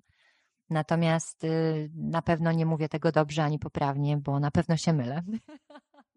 100%. Lubię, lubię bardzo y, filozofię buddyjską. Jest taki Nick, którego słucham na, na YouTubie, który bardzo fajnie przykłada to, co robią y, mnisi buddyjscy na, na, na, naszą, na naszą rzeczywistość i daje takie, kilka takich rad i właśnie mówi o tym, yy, ale on to też tak fajnie przedstawia, że docen, że rano, jak się budzimy, to docenimy to, że jesteśmy żywi, że żyjemy, ponieważ nie mamy każdy. Zmysły. Tak, że mamy zmysły, ponieważ że nie każdy. ludźmi. Tak, dokładnie. Tak, no to trochę, to trochę zupełnie, no to zupełnie wrzuca inny lot na, na początek dnia, kiedy, kiedy zdajemy sobie sprawę z tą wdzięcznością. Dużo się mówi o tym teraz, właśnie o tej wdzięczności, o tych afirmacjach. Ja myślę, że to wszystko jest ze sobą gdzieś tam mocno e, związane. Natomiast y, ja słyszałam taką fajną przypowieść a propos właśnie wdzięczności, kiedy mm, przyszedł ktoś do mistrza buddyjskiego po lekcję. No i tam sobie, on, tak, dostaniesz tą lekcję, dostaniesz. No i, i po czasie zadał mu pytanie, mówi, słuchaj, a jakbyś y, miał, jakby, jakbym ci dał milion dolarów, y, byłbyś szczęśliwy? No i osoba odpowiada, no tak, no oczywiście. A gdybym dał ci ten milion i powiedziałbym, że jutro umrzesz, no i ta osoba mówi, no nie, no to nie chcę, to nie chcę tego miliona. No on mówi, no ale widzisz, e, nie masz tego miliona, ale żyjesz. Dlaczego nie doceniasz go bardziej na co dzień, tego życia, niż tego miliona, którego niby ci brakuje? I to, to jest ta taka kwintesencja, moim zdaniem, z tego podejścia i tego doceniania bycia żywym i, i czerpania z tego życia faktycznie. No ale to jest trochę w tym takim buddyjskim rozumieniu, w rozumieniu kultury wschodu. Te medytacje mają trochę inny wydźwięk i ja też chciałabym trochę o tym mówić, że, że jednak, y, no bo to dzisiaj się stało takie bardzo, no dużo się o tym mówi, nie? Wszyscy medytują, afirmują, e, ćwiczą mindfulness, e, ćwiczą letting go, e, ćwiczą love and kindness, natomiast to są wszystko rzeczy zaczerpnięte trochę z tej kultury wschodu i one tam mają trochę inny cel. Więc tu tylko to chciałam ustalić, czy tutaj jest, bo ja dużo tego znalazłam u Ciebie w książce i tak mi, mi oczywiście zaklikało, choć ja dopiero jestem gdzieś tam na samym początku tej drogi. Ja czytam, sprawdzam, uczę się, dowiaduję się e, i ja mówię, o, to jest y, na przykład Mingyur Rinpoche też o tym mówi i mi to wszystko klika. E, tak, i, i jakby dlatego chciałam Cię zapytać, czy ta, ta inspiracja wschodem tutaj była również, czy, czy nie, ale widzę, że w jakimś stopniu na pewno też.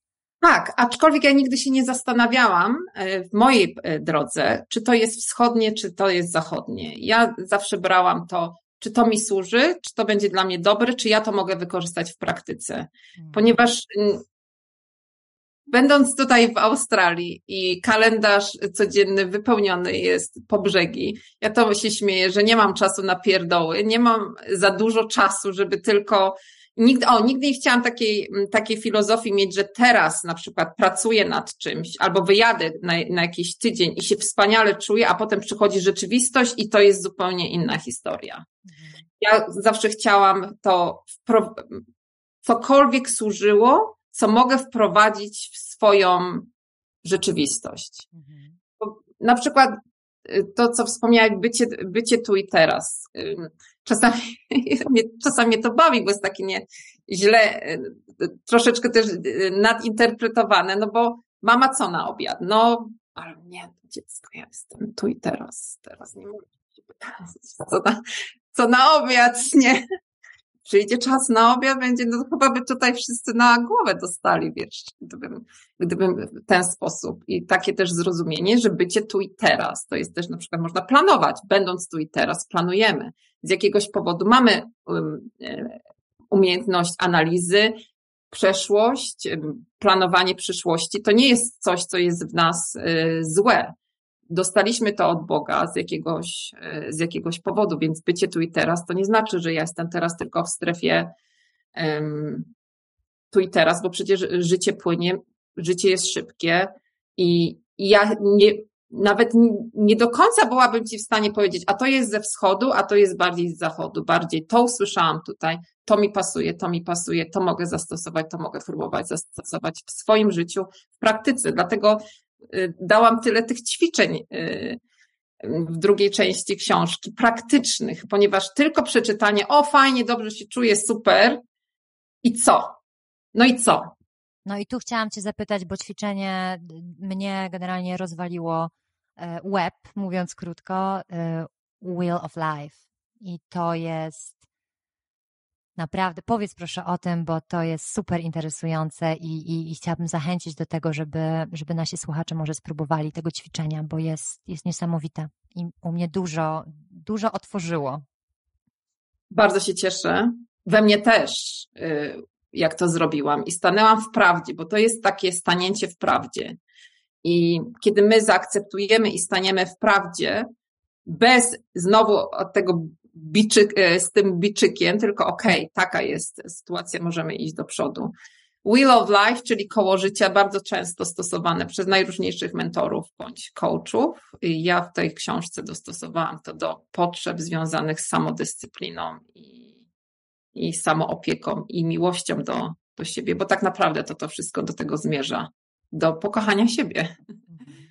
To jest koło podzielone na ileś tam e, części. W tym przypadku jest osiem i każda, każda sfera jest y, zaznaczona, jest miłość do siebie, y, pieniądze, każda sfera naszego życia i tak naprawdę możemy sobie oznaczyć jakąkolwiek y, sfery życia i kolorujemy w jakim procencie jesteśmy z tej strefy, nie, strefy życia zadowoleni. I potem patrzysz na to całe koło mówisz, kurczę, no myślałam, że tutaj jestem zadowolona, a tutaj się okazuje, że w 50% jestem zadowolona z sytuacji finansowej.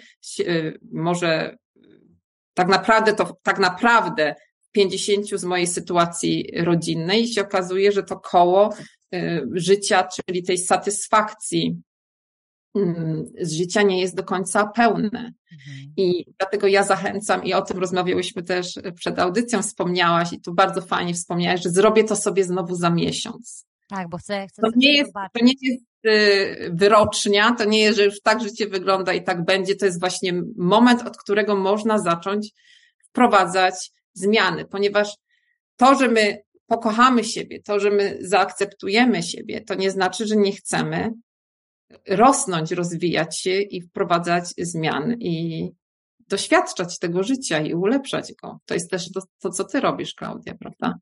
Staram się, bo gdzieś y, mi się wydawało jakiś czas temu, że zrobiłam jakąś pracę i tam jest postawiona kropka.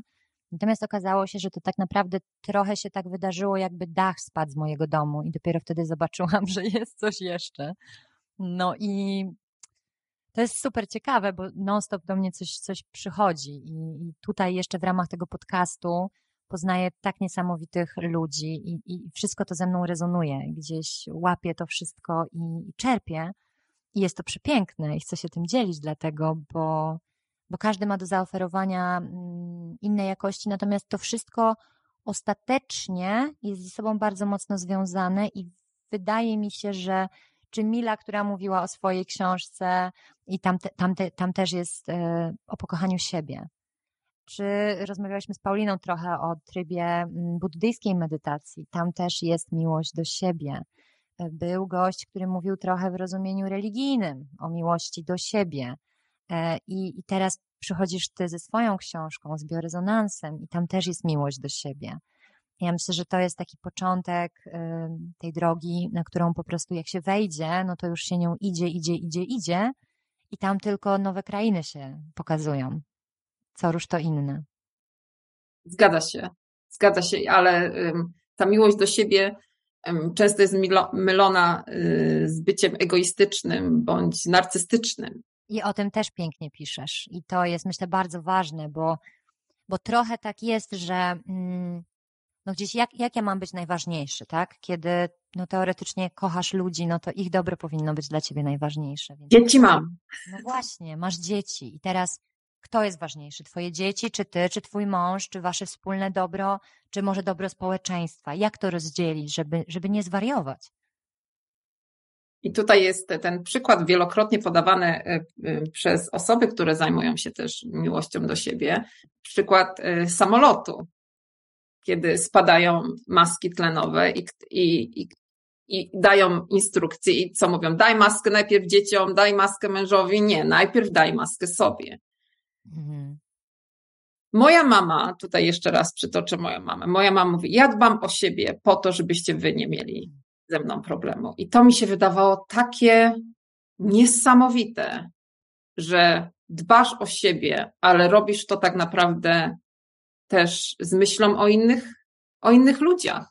Więc to nie ma nic wspólnego z byciem e, egoistycznym pod tym względem. Ale jeżeli ty masz tą siłę i masz ten tlen, wracając do tej maski, to możesz nałożyć tą maskę, y, drugą maskę swojemu dziecku, ponieważ ty masz tlen, ty masz czym oddychać, ty możesz mu pomóc. I poprzez właśnie pracę nad sobą i pokochanie siebie, to jest twoje paliwo, którym możesz, y, którym możesz się dzielić, którym możesz obdarzać y, innych ludzi i pomagać innym, innym ludziom wielkim, to ja byłam e, młodą dziewczyną, kiedy oglądałam film o matce Teresie, hmm. która jak zaczęła swoją e, działalność, przyszła do niej matka przełożona, matka Teresa, to na faktach to było oparte, była bardzo chora. Ona mówi, jak, ja, a, a jadłaś? Jadłaś? No nie jadłam, wszystko oddałam tym biednym. No jak ja mogę jeść, skoro oni tak cierpią? Ale ty musisz jeść ty musisz być silna, bo jak ty możesz pomóc tym cierpiącym, tym innym ludziom wokół siebie? I to, to było dla mnie też y, takie, takie szokujące, no bo ona taką piękną rzecz zrobiła, prawda? Ona oddała im wszystko. No i co? I kicha, bo już nie może im więcej pomagać. Zdecydowanie. No ale też wiesz, w dobie dzisiejszego świata, kiedy bardzo dużo jest tych wszystkich inspiracji tym, że masz myśleć o sobie, zastanów się, czy jesteś szczęśliwy, czy na pewno jesteś w miejscu, które jest dla ciebie dobre, czy na pewno cię rozwija, czy twój związek jest dobry, czy masz dobre to. Kiedyś się nad tym nikt nie zastanawiał w takich kategoriach, na zasadzie, o czy ja naprawdę jestem szczęśliwy. I teraz ja mam takie wrażenie, że też e, często zapominamy o tym, żeby może y, zapytać trochę o to, czy, czy, czy, my, czy, czy jakby inni są szczęśliwi z nami, nie? Ja usłyszałam takie piękne zdanie od, od mojego partnera, jak rozmawialiśmy a propos ślubu i on powiedział, a ty byś wzięła ze sobą ślub? I kurde, powiem ci szczerze, że odpowiedź nie była jednoznaczna. Dobre. Dobre, nie? Dobre. To mi się podoba. No właśnie i ja myślę, że to też do tego wielokrotnie się sprowadza, że dzisiaj no dużo jest tych wszystkich takich informacji w świecie dotyczących tego, że myśl o sobie, ale tam jest dużo ego, tam jest dużo egoizmu, tam jest dużo o tobie, dla ciebie, dla siebie. To, co ty robisz, jest piękne, bo ty mówisz, ok, ja muszę mieć tą siłę, żeby móc dzielić się nią z innymi. I to jest, myślę, piękna idea, ale nie możemy zapominać o tym, że, że to ego trzeba gdzieś tam trochę temperować. Dokładnie, e, dokładnie, bo to nie jest, wiesz, e, to też nie polega na tym, że będziemy krzywdzić e, innych ludzi i uświadomienie sobie, że ja muszę pracować nad sobą. To nie jest tylko, czy ja jestem szczęśliwa, nie jestem szczęśliwa, okej, okay, to do widzenia. O, to jest właśnie na tym, dlaczego ja jestem nieszczęśliwa. Przecież te, tego słowa szczęśliwa to nie, nie do końca lubię, takie mi się wydaje ostatnie, ostatnimi czasy trochę wyświechtane, ale czy ja mam tą, e, ja nie mam satysfakcji, to odchodzę, no ale, ale bardzo często ząb boli e, wszędzie. Pójdziesz, będzie nowa sytuacja i może się okazać, że, że mm, to doświadczenie przychodzi jeszcze raz, tylko ze zwiększoną siłą, więc to jest praca nad, nad sobą. Ludzie są nieszczęśliwi, bardzo łatwo rezygnują w tej chwili z małżeństw. O właśnie. To też nie jest. Tutaj nie, nie, nie Dobra, mogę nie zapytać, bo, bo ile wy jesteście po ślubie? Jesteśmy 20 lat po ślubie. W tym roku 20? Piękna rocznica, gratuluję, bo to Dziękuję. fajnie, fajnie się na to patrzy. E, I jak mam tutaj gości, którzy mają takie piękne wyniki, to ja patrzę z podziwem, bo to jest no nie lada wyzwanie. Jak to Mm. się robi? Co? Chyba bym nie mogła być doradcą, e, doradcą e, małżeńskim.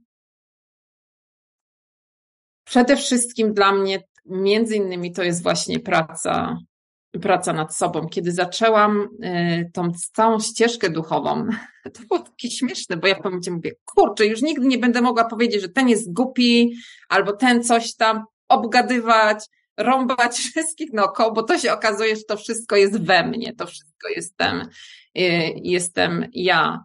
Danie przestrzeni drugiej osoby. Nasz związek bynajmniej nie jest, y, nie jest idealny i oboje y, przechodzimy mm, przez różne sprawy, ale widzę, że oboje pracujemy jednocześnie nad sobą. Czyli nie mam do czynienia y, z człowiekiem betonem, który jest taki sam, jak ja go poznałam. Mój mąż bardzo mocno się zmienił w porównaniu z tym, jaki był, kiedy, e, kiedy się pobraliśmy. I tak samo ja jestem inna. I widzę, że on jest, się, się zmienia i ja się zmieniam. I to tak razem idzie. Ale oczywiście mamy swoje e, wzloty i upadki. Są różne momenty, a szczególnie na emigracji to jest taki ekstremum, wiesz. Bo ja nie mogę iść sobie do mamy i powiedzieć, ja dzisiaj do domu nie wracam, ja muszę odpocząć, ja muszę wyjechać, albo wyjdę, albo cokolwiek. Nie. Jest ciężka sytuacja, ale musimy być w tej samej przestrzeni razem i to, i to rozpracować, więc jest tak góra-dół, ale y, dla mnie szczególnie y, przestrzeń jest ważna i otwarcie na to, żeby pracować nad, szczególnie nad sobą, bo drugiej osoby i tak nie jesteś w stanie Mhm. zmienić. Ale z tą emigracją sobie myślę, że też y, to czasem działa na plus, że my nie możemy pójść. E, nie wiem, czy się zgodzisz ze mną, ale ja to widzę jako, ja to, ja to staram się czytać jako pozytyw, że jednak no jesteśmy sami w tej przestrzeni tak daleko od wszystkich, że możemy tutaj liczyć tylko na siebie i trochę trudniej się trzaska drzwiami w takiej sytuacji, nie? Dokładnie, nie ma możliwości za bardzo. Znaczy jest możliwość, ale jest to na pewno trudniejsze. Jest to plu, największy plus i największy minus, ale wydaje mi się, że jako ludzie i jako małżeństwo bylibyśmy na innym zupełnie etapie, bardziej takim nie aż tak bardzo rozwiniętym, gdybyśmy zostali w Polsce. Hmm. Jesteś kolejną osobą, która o tym mówi, że, że jednak inaczej się jest ze sobą e, w Polsce, a inaczej tutaj. I myślę, że no ty już z punktu widzenia tylu lat możesz to powiedzieć. Jeszcze doświadczyłaś tutaj przyjazdu z malutkim dzieckiem, później drugiego dziecka. W międzyczasie oboje studiowaliście. To ja jestem w stanie jedynie sobie wyobrazić, jak trudny był ten czas dla was, jako dla małżeństwa, jako dla waszej relacji, bo mm, no ciężko tam znaleźć przestrzeń jeszcze dla siebie, nie? Tak, były momenty, że tej przestrzeni, e, że tej przestrzeni nie było, ale takie uświadomienie sobie, że to wszystko jest tak naprawdę czasowe. Mm, Mija. Właśnie. Właśnie. I wychodziliście silniejsi z tych, z tych opresji? Zawsze. No właśnie, myślę, że to jest taki przepis, e, który się powtarza, e, żeby właśnie z tych wszystkich dołów wychodzić trochę mocniejszym i, i trzymać się za rękę po prostu. Myślę, że to fajne. Dobrze, a powiedz mi jeszcze, wracając do Twojego macierzyństwa, no bo nie mogę o to nie zapytać, jak tu wygląda ta społeczność tego wsparcia kobiet? Czy Ty tego doświadczyłaś? Czy ktoś Ci pomógł w tym wszystkim? No bo dwójka malutkich dzieci. Jak? Miałam bardzo duże szczęście, jeżeli chodzi o, mm, o ludzi. Ty kolejny Ja- raz o tym mówisz, wiesz? Ja mam tak, takie szczęście, jeżeli chodzi o ludzi. To jest dla mnie coś, coś niesamowitego. E, Przepraszam. Nic się nie dzieje, nic się nie dzieje. Tak Ma, mały, e, mały przerywnik. Szkoła, którą e, znaleźliśmy dla naszej córki Nadi, jest też e, poniekąd powiązana z naszą filozofią życiową, ponieważ ta szkoła podchodziła pod szkołę filozoficzną, e, takie jakby dziecko szkoły filozoficznej tutaj, tutaj w Melbourne. I oni między innymi też wprowadzają dzieciom e, medytację, mówienie o swoich uczuciach, uczą się o najróżniejszych religiach i wyciągają z tego co najlepsze. No, idealnie szkoła wpasowująca się w naszą taką filozofię życiową. A co to za szkoła? Ta szkoła się nazywa Erasmus. A, no oczywiście, pięknie. Ale y, do czego zmierzam? Tam właśnie poznałam fantastycznych ludzi, ponieważ ta mm, szkoła, rodzice wtedy, teraz troszeczkę to się zmieniło, bardzo blisko ze sobą współpracowali. I w momencie, kiedy Nadia poszła do zerówki tutejszej, y, narodziła się Kaja. Mhm. I te matki zebrały się z klasy i na przykład ja codziennie dostawałam od innej mamy posiłek. Że nie musiałam gotować obiadu. Wyobrażasz sobie? No nie. Rewelacyjny, rewelacyjny system. I tam właśnie poznałam e, dużo osób, które, które miały, mają podobne też e, podejście do życia jak my i, i akurat też był moment, że się troszeczkę dzieci narodziło, więc jakby nie do końca się czułam samotna. Ale są też tutaj, co w Australii mi się podoba, są takie grupy matek, mothers group, które są organizowane przez, e, przez ten e, rząd lokalny dla matek, żeby mogły się spotykać, żeby nie były i nie czuły się tutaj same. Ale na nie ma grup dla, dla ojców, nie? Chyba nie ma, wiesz. No. Aczkolwiek tatusiowie na pewno by byli mile widziani. A, to na pewno, to na 100%. Mój kolega, który, który był właśnie na tacierzyńskim przez jakiś czas, to mówił, że miał taki wianuszek, gdziekolwiek się udał y, z dzieckiem, że było, że było mu bardzo miło. Ale nie, akurat jeżeli chodzi o bycie mamą, oprócz kwestii pomocy y, jako takiej y, przy dziecku, to nie czułam się samotna. A, a, jak, a jak to się przekłada, wiesz, no jednak twoi rodzice na przykład no, no nie, nie mogli mieć takiego stałego kontaktu z, z twoimi córkami, nie? I one dorastają, one się zmieniają i ich tutaj nie ma przy tym wszystkim. No to jest mój największy ból. Nadal? Nadal. To jest też coś, czego ja się bardzo boję. Mhm. Hmm. I tutaj też trzeba stanąć w prawdzie, że to nie jest wszystko takie kolorowe i, i fajne, ponieważ y, moja świadomość, że moje dzieci mają fantastycznych dziadków i z jednej i z drugiej strony, jest dla mnie, y, jest dla mnie bolesna i wiem, że na przykład dla mojej najstarszej córki również. Ona ostatnio spędziła trzy miesiące w Polsce i widzę, że jest to dla niej trudne. A mówią dziewczyny po polsku? Mówią. Wy mówicie w domu po polsku? Mówimy w większości y, w domu po polsku. Starsza y, będzie zdawała maturę y, z języka polskiego. Te trzy miesiące w Polsce też były dla niej niesamowite, ponieważ chodziła tam normalnie do szkoły. Wow. Poszła, poszła do liceum, tak, chodziła. Młodsza, więc ja mówię, ona jest dwujęzyczna, młodsza, bardziej polski jest dla niej drugim językiem, ale tak, y, mówimy po polsku i wydaje mi się, że młodsza troszeczkę mniej odczuwa ten, mm, tą kwestię dziadków, ale starsza na pewno tak, a w moim sercu jest to ból, z którym, no, z którym e, staram się pogodzić, y, ale jeszcze zdarzają mi się y, chwile takiego że budzę się zlana potem i gdzieś tam z takim, czuję takie, taki silny ból w sercu związany z tym, że, że jednak tych e, dziadków nie ma.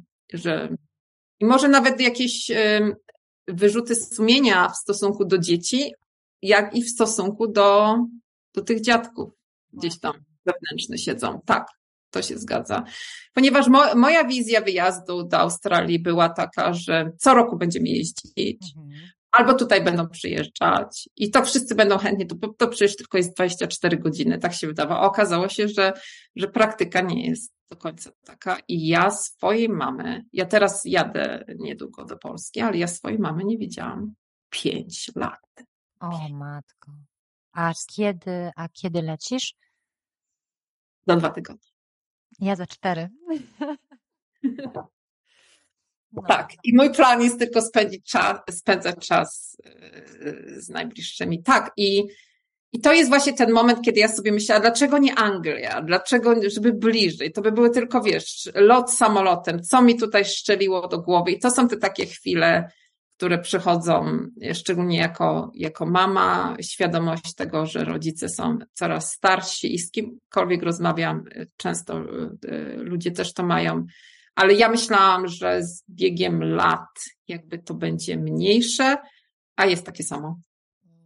Jak najgorsze, no bo jednak jak przychodzi ta starość yy, u nich i ta taka świadomość, wiesz, bo nam się wydaje, że mamy ciągle czas, nie? Jesteśmy jakby młodzi, to nie jest nasz czas ale ja na przykład dużo o tym myślę, że, że jak na przykład coś się tam wydarzy, nie? I co, co wtedy?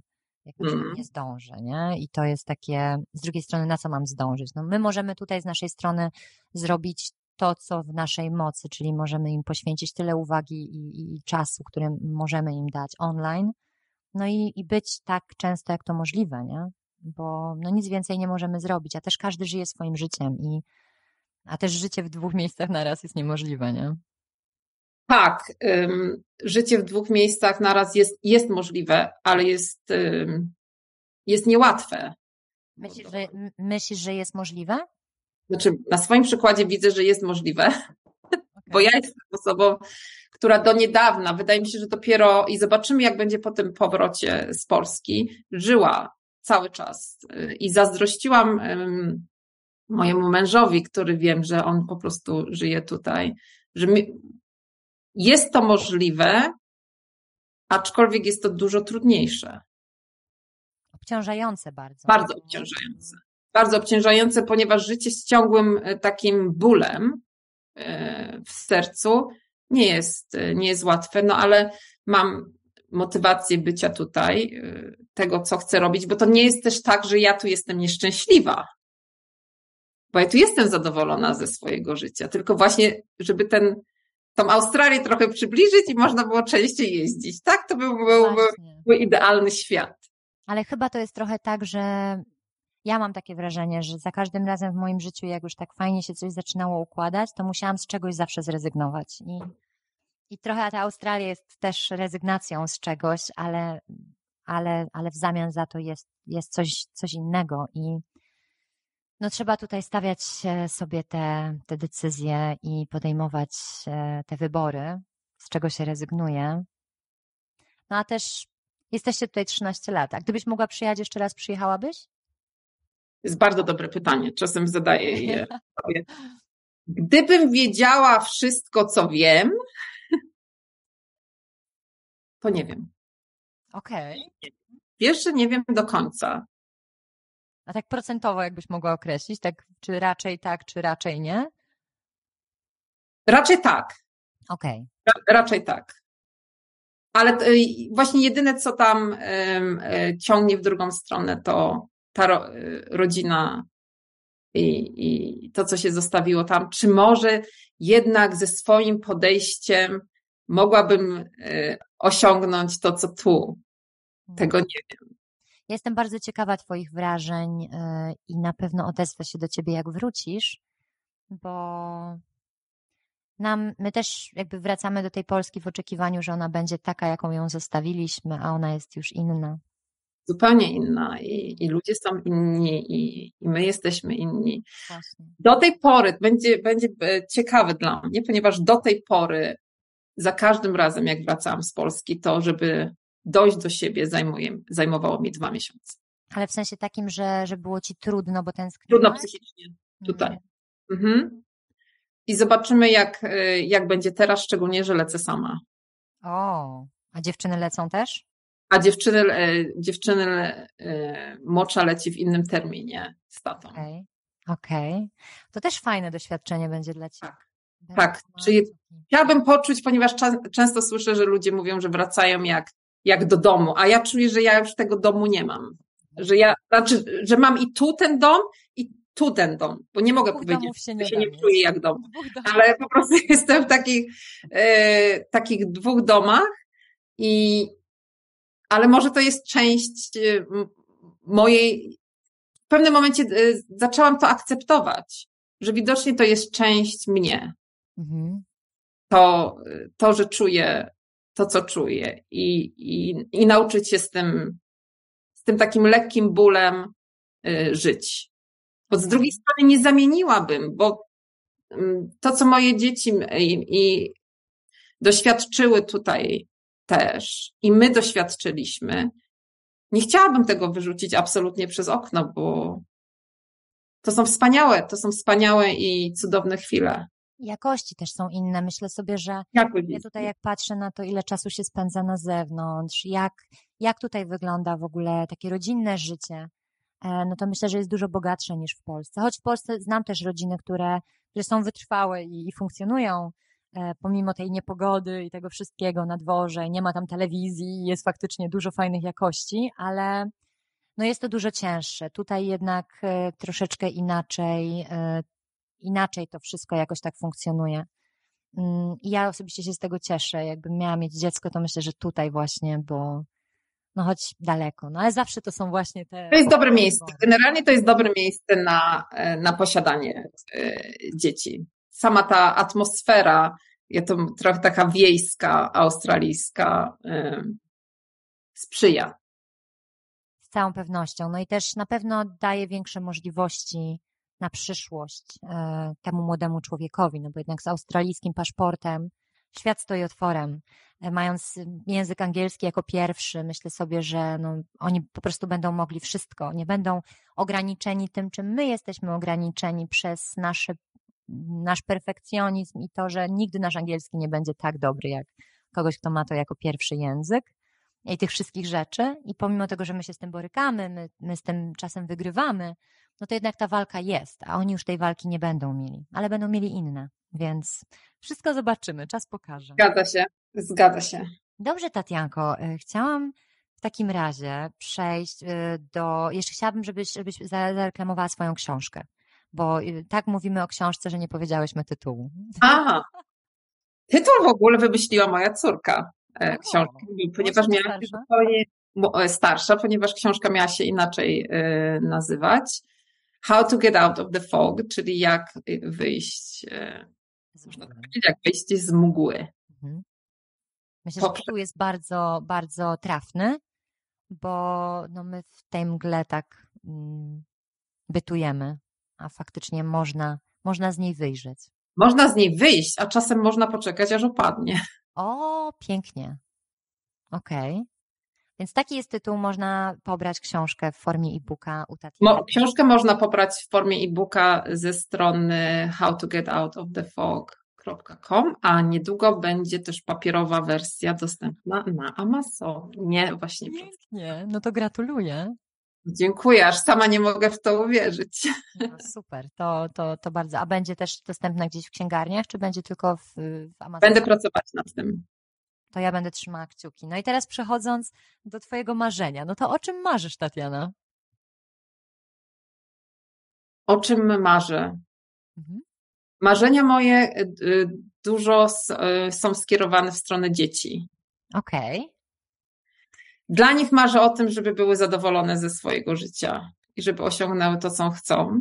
A dla siebie głównie moje marzenia idą w stronę zawodową bardzo chciałabym się dalej rozwijać. Chciałabym, żeby mój biorezonansowy biznes, y, biznes, no, y, się rozwijał, żebym mogła pomagać y, jak największej ilości osób.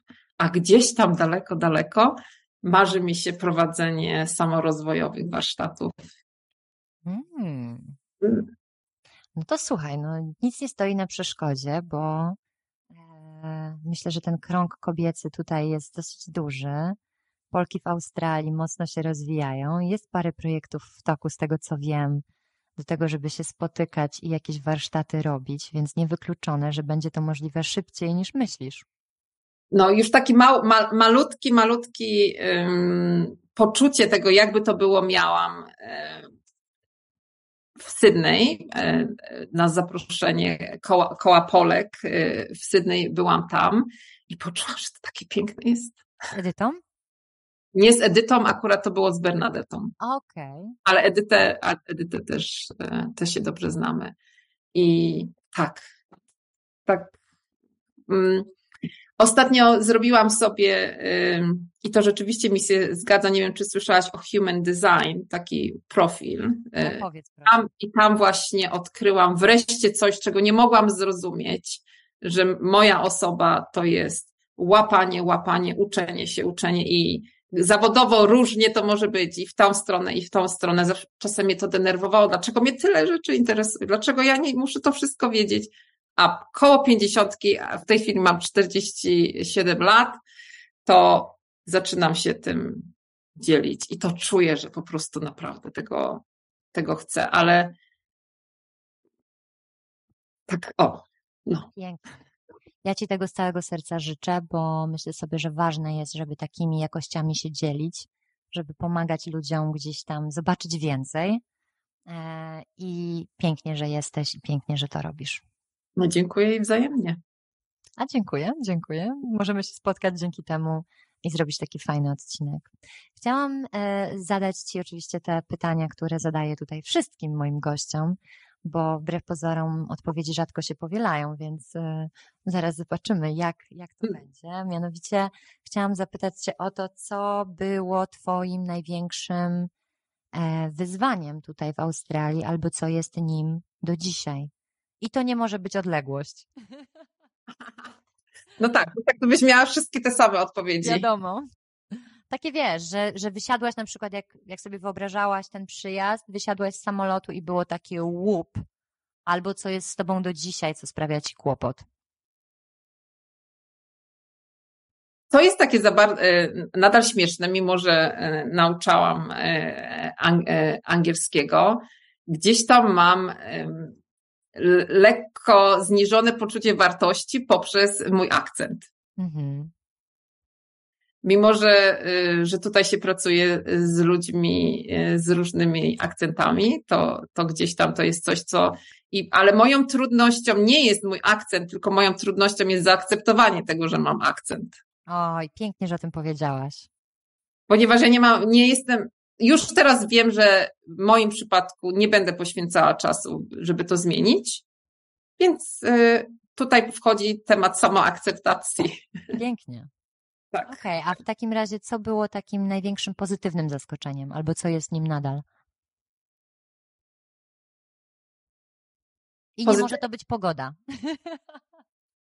Chociaż w Melbourne żartowałam. Może, może być. Kurczę, no wiesz co, akurat w Melbourne z tymi pogodami zmieniającymi się co, co 15 minut na pewno to, y, to było dla mnie zaskoczeniem. Dla mnie wielkim zaskoczeniem, i tu znowu będziemy w sferze języka. Y, ja w swoim życiu spędziłam 4 lata w Stanach i przyjechałam tutaj jako gwiazda, która po angielsku bardzo dobrze y, umie i jak się ludzie do mnie odezwali, to mi kopara opadła i mówię, co to jest? Po prostu miałam problem ze zrozumieniem e, slangu, e, słów i jedno wielkie zaskoczenie, zabawna historia. Zapisuję moje dziecko do, do przedszkola, e, ale to mnie pozytywnie też suma summarum zaskoczyło w pierwszej chwili negatywnie.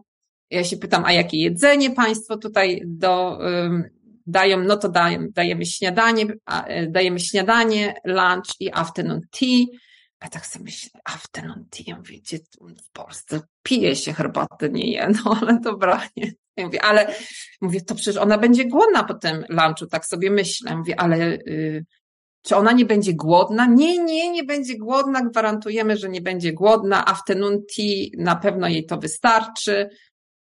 Po czym przyszłam i moje pozytywne za, zaskoczenie było, okazało się, że na afternoon tea nie było żadnej tea, nie było żadnej herbaty, tylko było mnóstwo, e, mnóstwo jedzenia e, dla dzieci. To było takie dla mnie pierwsze językowe, e, pozytywne zaskoczenie. Ale generalnie zaskoczyło mnie to w Australii, że daliśmy radę, wiesz? O. I że energetycznie jakoś tak łatwiej y, w pewnym momencie jest i to, że to, że daliśmy radę, bo w pewnym momencie I to jest taki jeden moment, o którym pisałam w książce, ale to możemy jedną rzecz zostawić w tajemnicy. Nie wszystko trzeba mówić. Myślałam, że nie dam rady już. Hmm. I, I to takie odkrycie, że jednak, że jednak można, że ta mgła w pewnym momencie sama może opaść, albo, albo trzeba troszeczkę popracować, albo sama może opaść i na końcu wszystko jest, jest dobrze, wiesz? Pięknie o tym powiedziałeś, bo to myślę, myślę, że dla wielu y, osób, czy tu, czy w Polsce, y, no te momenty, kiedy myślisz, że już nie dasz rady, wszyscy je mamy. A wszyscy, no prawie wszyscy, dajemy radę. Bo są oczywiście osoby, które, no, które się poddadzą, tak? Ale fajnie jest szerzyć tą ideę, żeby, żeby po prostu poczekać, bo to chyba jest najlepsza rada, jaka może być w takiej sytuacji, co? Tak, czasem wystarczy, czasem wystarczy poczekać i nie trzeba wiele robić i mgła sama upadnie. Pięknie powiedziane. No dobrze, a gdybyś e, mogła powiedzieć sobie coś, ale młodszej, mm. to co by to było? Jestem bardzo wysoka, więc po pierwsze bym powiedziała, że chłopcy w końcu dorosną i będą wyżsi. Cię nie martw, to bym powiedziała tej dziewczynce w szóstej, siódmej klasie, która płacze, że wszędzie chłopcy są tacy mali, a ona nigdy, a ona jest taka duża. Mam ponad metr osiemdziesiąt, to, to to bym powiedziała okay. tej młodszej sobie. A trochę starszej? Takiej a trochę starszej, że to wszystko rzeczywiście jest po coś. Że to wszystko jest po coś. To, co się dzieje. I wyluzuj te szelki, nie martw się tak bardzo ciesz się każdą chwilą, nawet tą, nie ciesz ha, ha, ha, ale bądź, yy, akceptuj tą każdą chwilę, jaka, jaka się dzieje, nawet ta trudna, ponieważ to wszystko minie i to wszystko jest po coś. I kupę nerwów straciłam właśnie na to, bo wydawało mi się, że to już się nie skończy, tak już zawsze będzie. Ta sytuacja, to, to już, to już, to, to, to akurat na pewno jest bez sensu a jednak nie ma rzeczy, rzeczy bez sensu i można bar- łatwiej przez te, przez te sytuacje przechodzić. Więc do tej, do tej pory wszystko ma sens. No to myślę, że z takim podejściem się dużo łatwiej funkcjonuje, bo jednak jak zakładasz, że nawet jak coś złego się dzieje i wyglądasz za rogu i mówisz, o, kiedy dostrzegę w tym coś pozytywnego, to trochę inaczej się przyjmuje te wszystkie negatywy. Myślę, że bardzo, bardzo istotne, że o tym powiedziałaś. Super, bardzo Ci za to dziękuję. Bardzo proszę. Moja droga, piękna rozmowa, ja nie mogę się nagadać. Ja w ogóle miałam tyle pytań przygotowanych i ja ich oczywiście nie zadałam, nie? Jakby.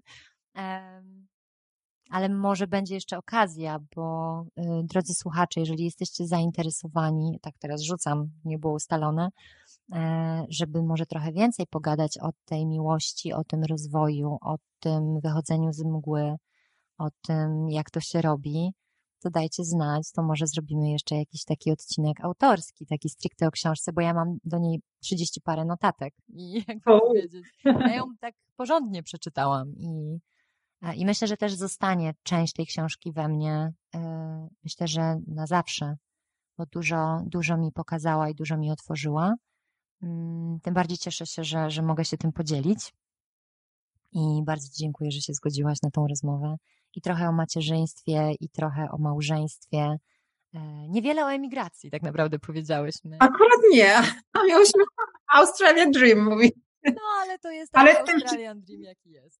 Ale to wszystko jest związane z tą emigracją. Bo to by się bez tego nie wydarzyło. Dokładnie tak. Dokładnie, Dokładnie. tak. Bardzo Ci dziękuję.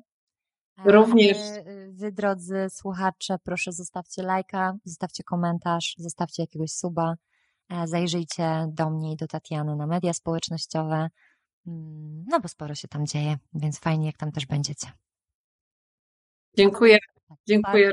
Kolejny raz Ci przerwałam na koniec. Dziękuję również i, i to, co robisz, jest niesamowite i dziękuję również słuchaczom za uwagę i mam nadzieję, że wzięli coś z tego dla siebie. Jestem przekonana, że tak będzie, a wy, drodzy słuchacze, dajcie znać. Tobie, Tatiano, jeszcze raz bardzo dziękuję i do następnego razu.